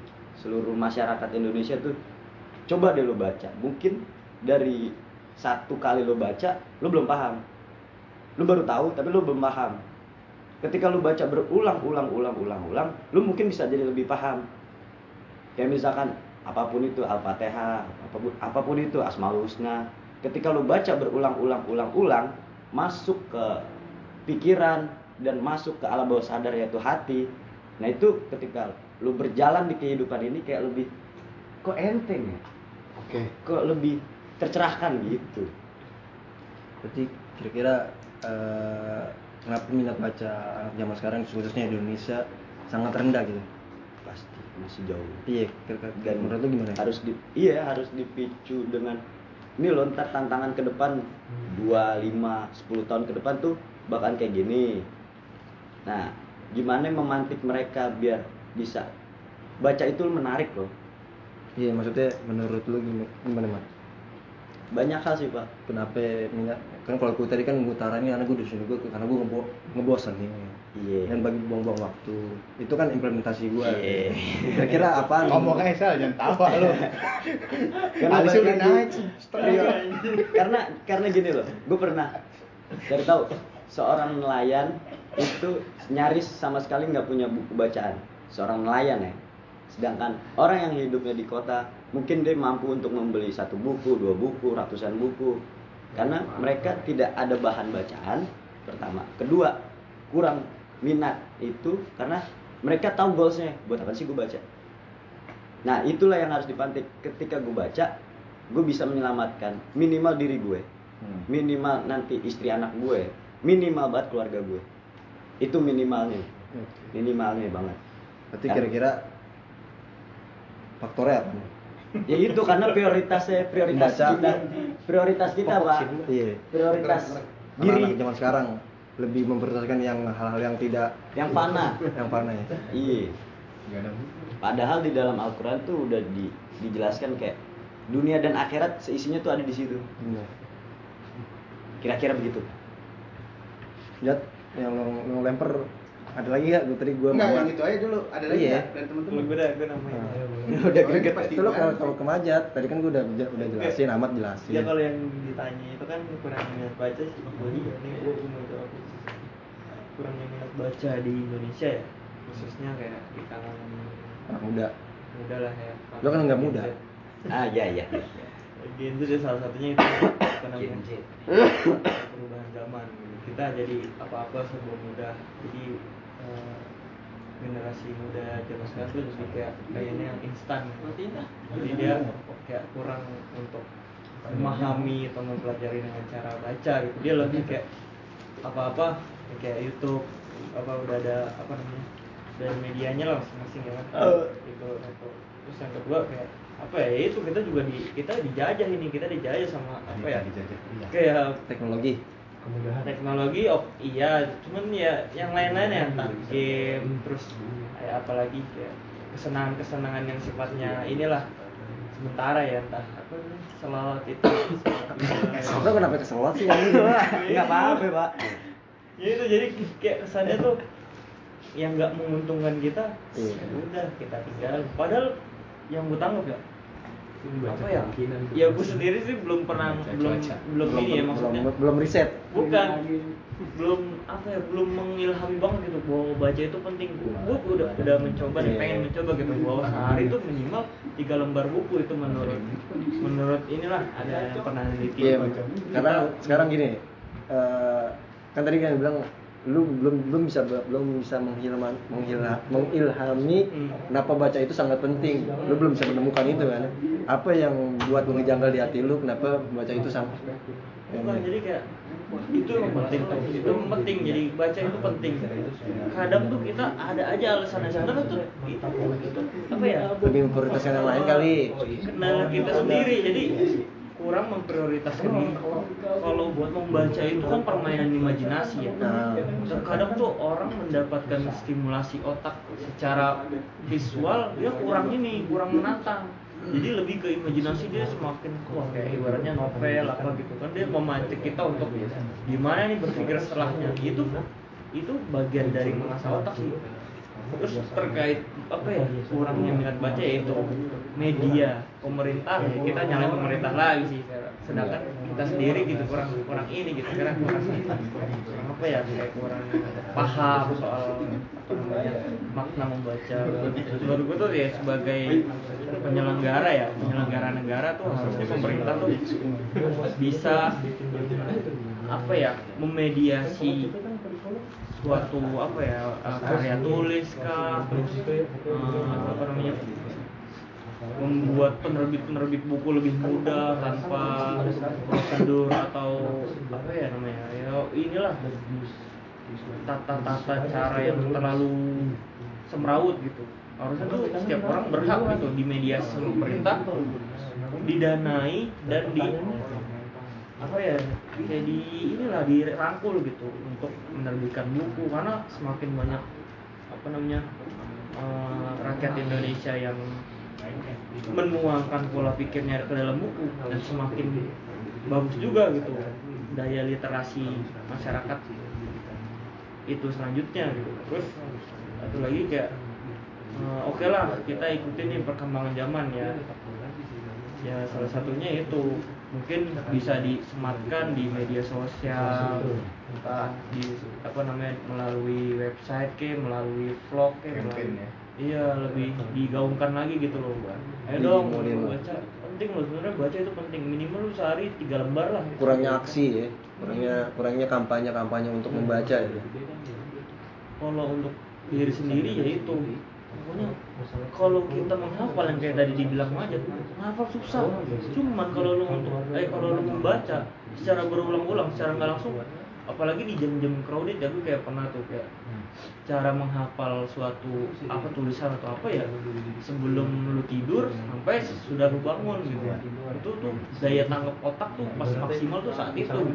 Jadi kalau emang ada ujian atau apa ya lu bisa praktekin nih hal itu. Jadi kayak sebelum tidur lu baca berapa kalimat lu ulangi lagi sampai tiga kali beberapa kali terus nanti setelah bangun lu, lu ulangi lagi. Nah itu insya Allah tuh cepet gitu masuknya di, di ingatan lu gitu tanpa perlu menghafal terus apalagi Ya, itu terkait inovasi dalam hal apa ya. dalam Bel, hal- bel, bel, sahur, bel, sahur, bel, tidur lagi. Iya, itu terlalu serius kayak gitu ya? Bercanda terus lagi ya? Iya.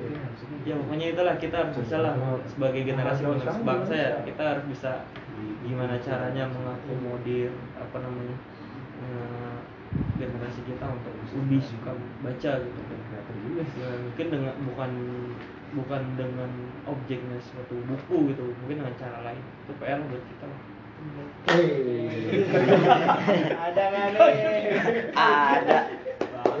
Ada. Dia lagi membaca pikiran.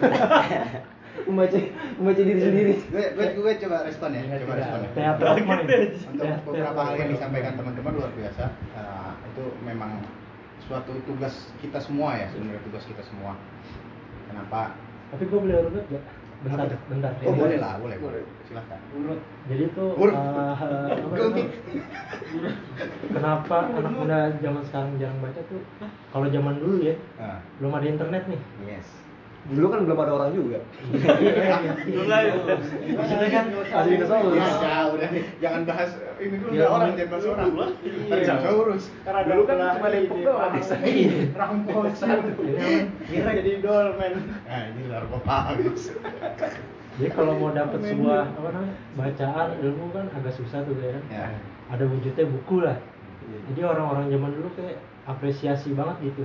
Ini ya satu buku ini ada value gitu ada nilai Iya. nah kalau zaman sekarang kan ibaratnya itu banyak teknologi lah ya koran-koran tutup pindah ke media online Iyalah. terus buku-buku ada yang PDF Iya. jadi itu orang orang suka. sekarang mikir ah gue simpen dulu dah gue bacanya ntar Iya. gitu. lebih bervisual sih eh, zaman sekarang. jadi buku tuh udah nggak ada ininya lagi value nya lagi dulu kan dicari-cari banget soalnya kita emang terbatas teknologi itu sih menghargai suatu fisik soalnya Iya. lu juga ya sempat terlalu indah sih kok dari sekedar kata tuh. Eh, lagu tuh ya Komang. Kan laude laude Komang gendut. siap siap rahim. biasa. Komeng. orang-orang yang beli buku kan emang niat kan ah gue beli buku ini gue ada wujudnya gue baca nah kalau orang-orang yang cuma baca misalnya di Twitter di Instagram Hmm. emang baca sama Iya, tapi kan oke. beda gitu oke. Siap. Ya gitu sih Lu film bisa bisa bisa ini sih uh, sedikit lah ya cuma bukan menyimpulkan respon lah Uh, gua akuin generasi sekarang pragmatis sangat pragmatis itu yang gue temuin di banyak hal di jalanan di mana pun dan yang gue temuin langsung siapa itu cewek gua Pok jangan diangkat. Eh, eh gue ceweknya Depok. Wow. Nah, jadi gini, kenapa bisa dibilang demikian? Generasi sekarang tuh pragmatis, pengennya serba instan, pengennya serba mudah. Tapi tanpa disadari itu yang merusak mereka. Dan dunia berhasil membuat new world order. Manusia manusia sekarang khususnya negara dunia ketiga. Ini kita bukan berbicara eh, apa sih sebutannya kayak gini tuh? Bukan propaganda juga ya? Apa sih? Oh, lupa gue istilahnya kan. Eh, jadi istilahnya mereka ada yang mengakomodir sistem sehingga merusak minat literasi terutama di negara dunia ketiga Oligarki. Arus postmodernisasi itu adalah sistemnya demikian manusia sekarang anak muda sekarang terutama Indonesia itu paling mudah dibuat kayak gitu. Dibuat nyaman dengan teknologi dibuat jauh dari hal-hal bahkan sifatnya yaitu pendidikan. Karena mereka berhasil. Dengan orang-orang yang maaf ya ini mungkin bisa jadi campur untuk kita kalau misalkan ini adalah nasihat. Kita yang terpancing oleh nasihat berarti orang-orang yang beriman. Nah jadi setiap anak-anak terutama di Indonesia itu berhasil dipropaganda oleh mereka sehingga males sehingga nggak mau membaca segala macam. Baca memang bukan hanya fisik toh di buku sih nggak juga banyak. Kalau orang pada masa lalu menganggap buku itu adalah keindahan buku itu lebih dari emas gitu itu harta bahkan warisan. Mungkin adalah beberapa keluarga di antara kita atau siapa pun yang masih nyimpen buku sampai mungkin puluhan tahun masih ada terusin warisin ya nanti ke ke anak lo ke cucu lo cicit lo segala macam. Bahkan di Islandia di Islandia berdasarkan riset setiap orang setiap orang di sana menerbitkan satu buku selama hidupnya. Kita semua di sini ada 11 dalam kita hidup kita punya buku dan dicetak. Oh, itu di Islandia. Dan beberapa yang masuk kurikulum mereka atau nggak masuk kurikulum. Nurani. Oh, nurani. Awalnya dipaksa apa gimana? nggak dipaksa karena itu udah terbiasa. Dia melihat semuanya membaca orang tuanya baca temannya baca Kan emang baca. budaya negaranya kayak gitu dan dia berhasil member- memberikan memberikan kemandirian berpikir kemandirian dalam eh, meng- menggapai wawasan sehingga mereka semua terstruktur tanpa dibentuk. Bentuknya itu bukan ya kayak gimana ya, contohnya gini kita ngeliat orang tiap hari baca segala macam nggak mungkin kita nggak baca. Jadi kepancing lingkungan juga mereka Iya. berhasil itu. Heeh. Tanpa masuk kurikulum loh itu ya. Dia berhasil. Tapi kalau di Indonesia itu dibuat kurikulum ya udah basi. Dimulai dari mana? Sesimpel dari diri kita terutama. Dan yang paling utama kita mulai dari keluarga nanti ketika kita udah punya anak terutama. Karena dari situ peradaban akan dimulai.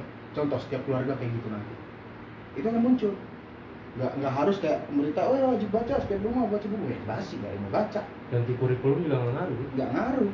Karena ris- risetnya bilang- ya, tadi bilang tuh yang nyampein kan. Tadi kan ada yang bilang kalau nggak salah ya di kota mungkin orang baca tujuannya adalah profit. Baca gimana ternak bebek bebek tujuannya kaya. Kaya kaya kaya. Materialisme. Itu adalah yang berhasil dibentuk oleh pembuat sistem. Tujuannya adalah profit keuntungan. Sedangkan baca itu bukan hal itu yang dicari. Keuntungan bonus. Bukan itu yang dicari. Memantaskan diri. Kembali lagi. Membaca itu adalah memantaskan diri.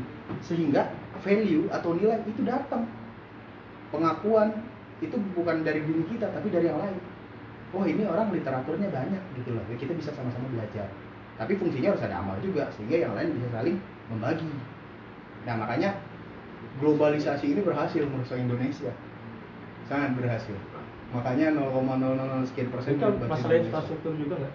infrastruktur Kalau kalau di, bilang gitu ya di daerah-daerah. Iya.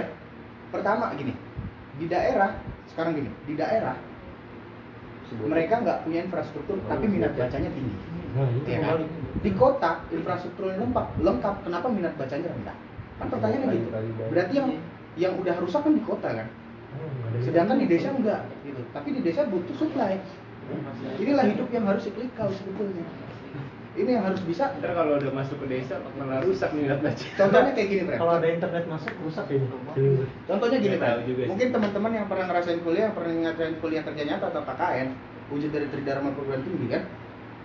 Mereka KKN ke desa-desa segala macam, memberantas buta huruf. Tapi nggak juga di desa itu cuma tujuannya biar dapat value juga gitu, dapat keuntungan juga. Sesudahnya nggak di guidance. Seharusnya orang yang melaksanakan KKN ini Tridharma perguruan tinggi, satu tahun setelah itu paskanya gimana, dua tahun gimana, lima tahun gimana, sepuluh tahun gimana, dijaga terus. Tapi kita semua udah mundur. Gara-gara ya itu lagi kembali. Tidak menguntungkan Buat kita. Kalau kita berbicara keuntungan ya memang kita udah dirusak semua materialisme. Makanya materialisme perlu, tapi untuk memperbaiki itu minat baca di Indonesia bisa dimulai dari diri kita, dari keluarga kita yang amat bilang yang amat bilang tadi. Dan jangan berhenti di situ. Kita butuh istirahat, perlu. Tapi jangan selamanya. Karena Tan Malang kan pernah bilang kan, sehari tanpa berpikir adalah mati selamanya. Jadi tiap hari kita berpikir dalam artian wujud dari pemikiran itu bisa dimulai dari membaca. membaca buku, membaca artikel, membaca tweet di Twitter, Iya iya iya. membaca apa skill-skill game, ya kan? Tapi jangan kita lihat prioritasnya mana yang lebih penting. Kita harus bisa nge-manage risk-nya. Oh kalau kita ngebaca game terlalu banyak, emang gue mau memperbaiki generasi muda dengan game aja. Sedangkan Indonesia yang rusak adalah banyaknya orang-orang koruptor. Adalah yang diperbaiki adalah sistem ininya, sistem apa ya? Eh, misalkan bisnis atau sistem pemerintahan atau segala macam. Dampak terburuknya dampak terburuknya generasi muda minat bacanya kurang adalah di isinya lembaga-lembaga strategis oleh orang-orang yang membaca tujuannya untuk memperkaya dirinya oligarki makanya rusak semua. Demo nggak didengar? Pasti. Karena mereka jauh lebih membaca dibanding yang ini itulah kenapa sistem dikuasai. Makanya jangan pernah mengikuti sistem yang menurut kita kafir. Kita mulai dari diri kita. Kita upayakan novel Baswedan pernah bilang untuk membuat suatu revolusi itu dimulai dari mana? Dimulai dari kita. Kita adalah lilin yang dibakar api. Walaupun kita terbakar sampai habis, setidaknya kita dapat menerangi dalam kegelapan. Itu kalau kata novel. Kalau menurut menurut gue pribadi, setiap orang harus menjadi lilin, sehingga kita menjadi cahaya dalam kegelapan. Novel yang mana? Novel. Eh, novel Terelie, Terelie. Novel Itu sih Hidayah. di baik. Kira-kira apa lagi Jat? Kalau gue udah sih. Kalau pertanyaan dari gue udah, kayak udah Kita semua ya buat, buat kayak mau ngomong Hasan. nih Depok. Hah? Karena Kayaknya mau nambahin Depok. dia mau diam karena Terakhir, dia, terakhir. karena dia pernah membaca. Iya, terakhir. Dia diem ini Closing karena dia statement pernah kali membaca. Ya, terakhir terakhir Pak. Penutup. Oke, jadi begini, kita harus glow in the dark. Gue demen ya kak bahasa Inggris bahasa Inggris zaman dulu. dark. Zaman dulu nih. Menyala dalam kegelapan. Iya. Jadi Eminem once ever said, you can do anything you set your mind to man. You gotta main mas. Jadi kita tuh bisa melakukan Artinya Messi. apa pun. Iya Iya bener. Ya Messi. Jadi kita bisa ngelakuin apa pun itu. Berarti P-nya ini Messi. Belum selesai. Ntar dulu. Penaldo, Penaldo. Dia apa tadi P? Messi. Oh, basic. Pusing. Jadi kita bisa melakukan apa pun yang kita mau, tinggal kita rubah mindset kita. Kayak seperti Majat bilang, sebenarnya kita ngerubah itu dari diri kita sendiri. Itu dia mindsetnya yang harus dibentuk.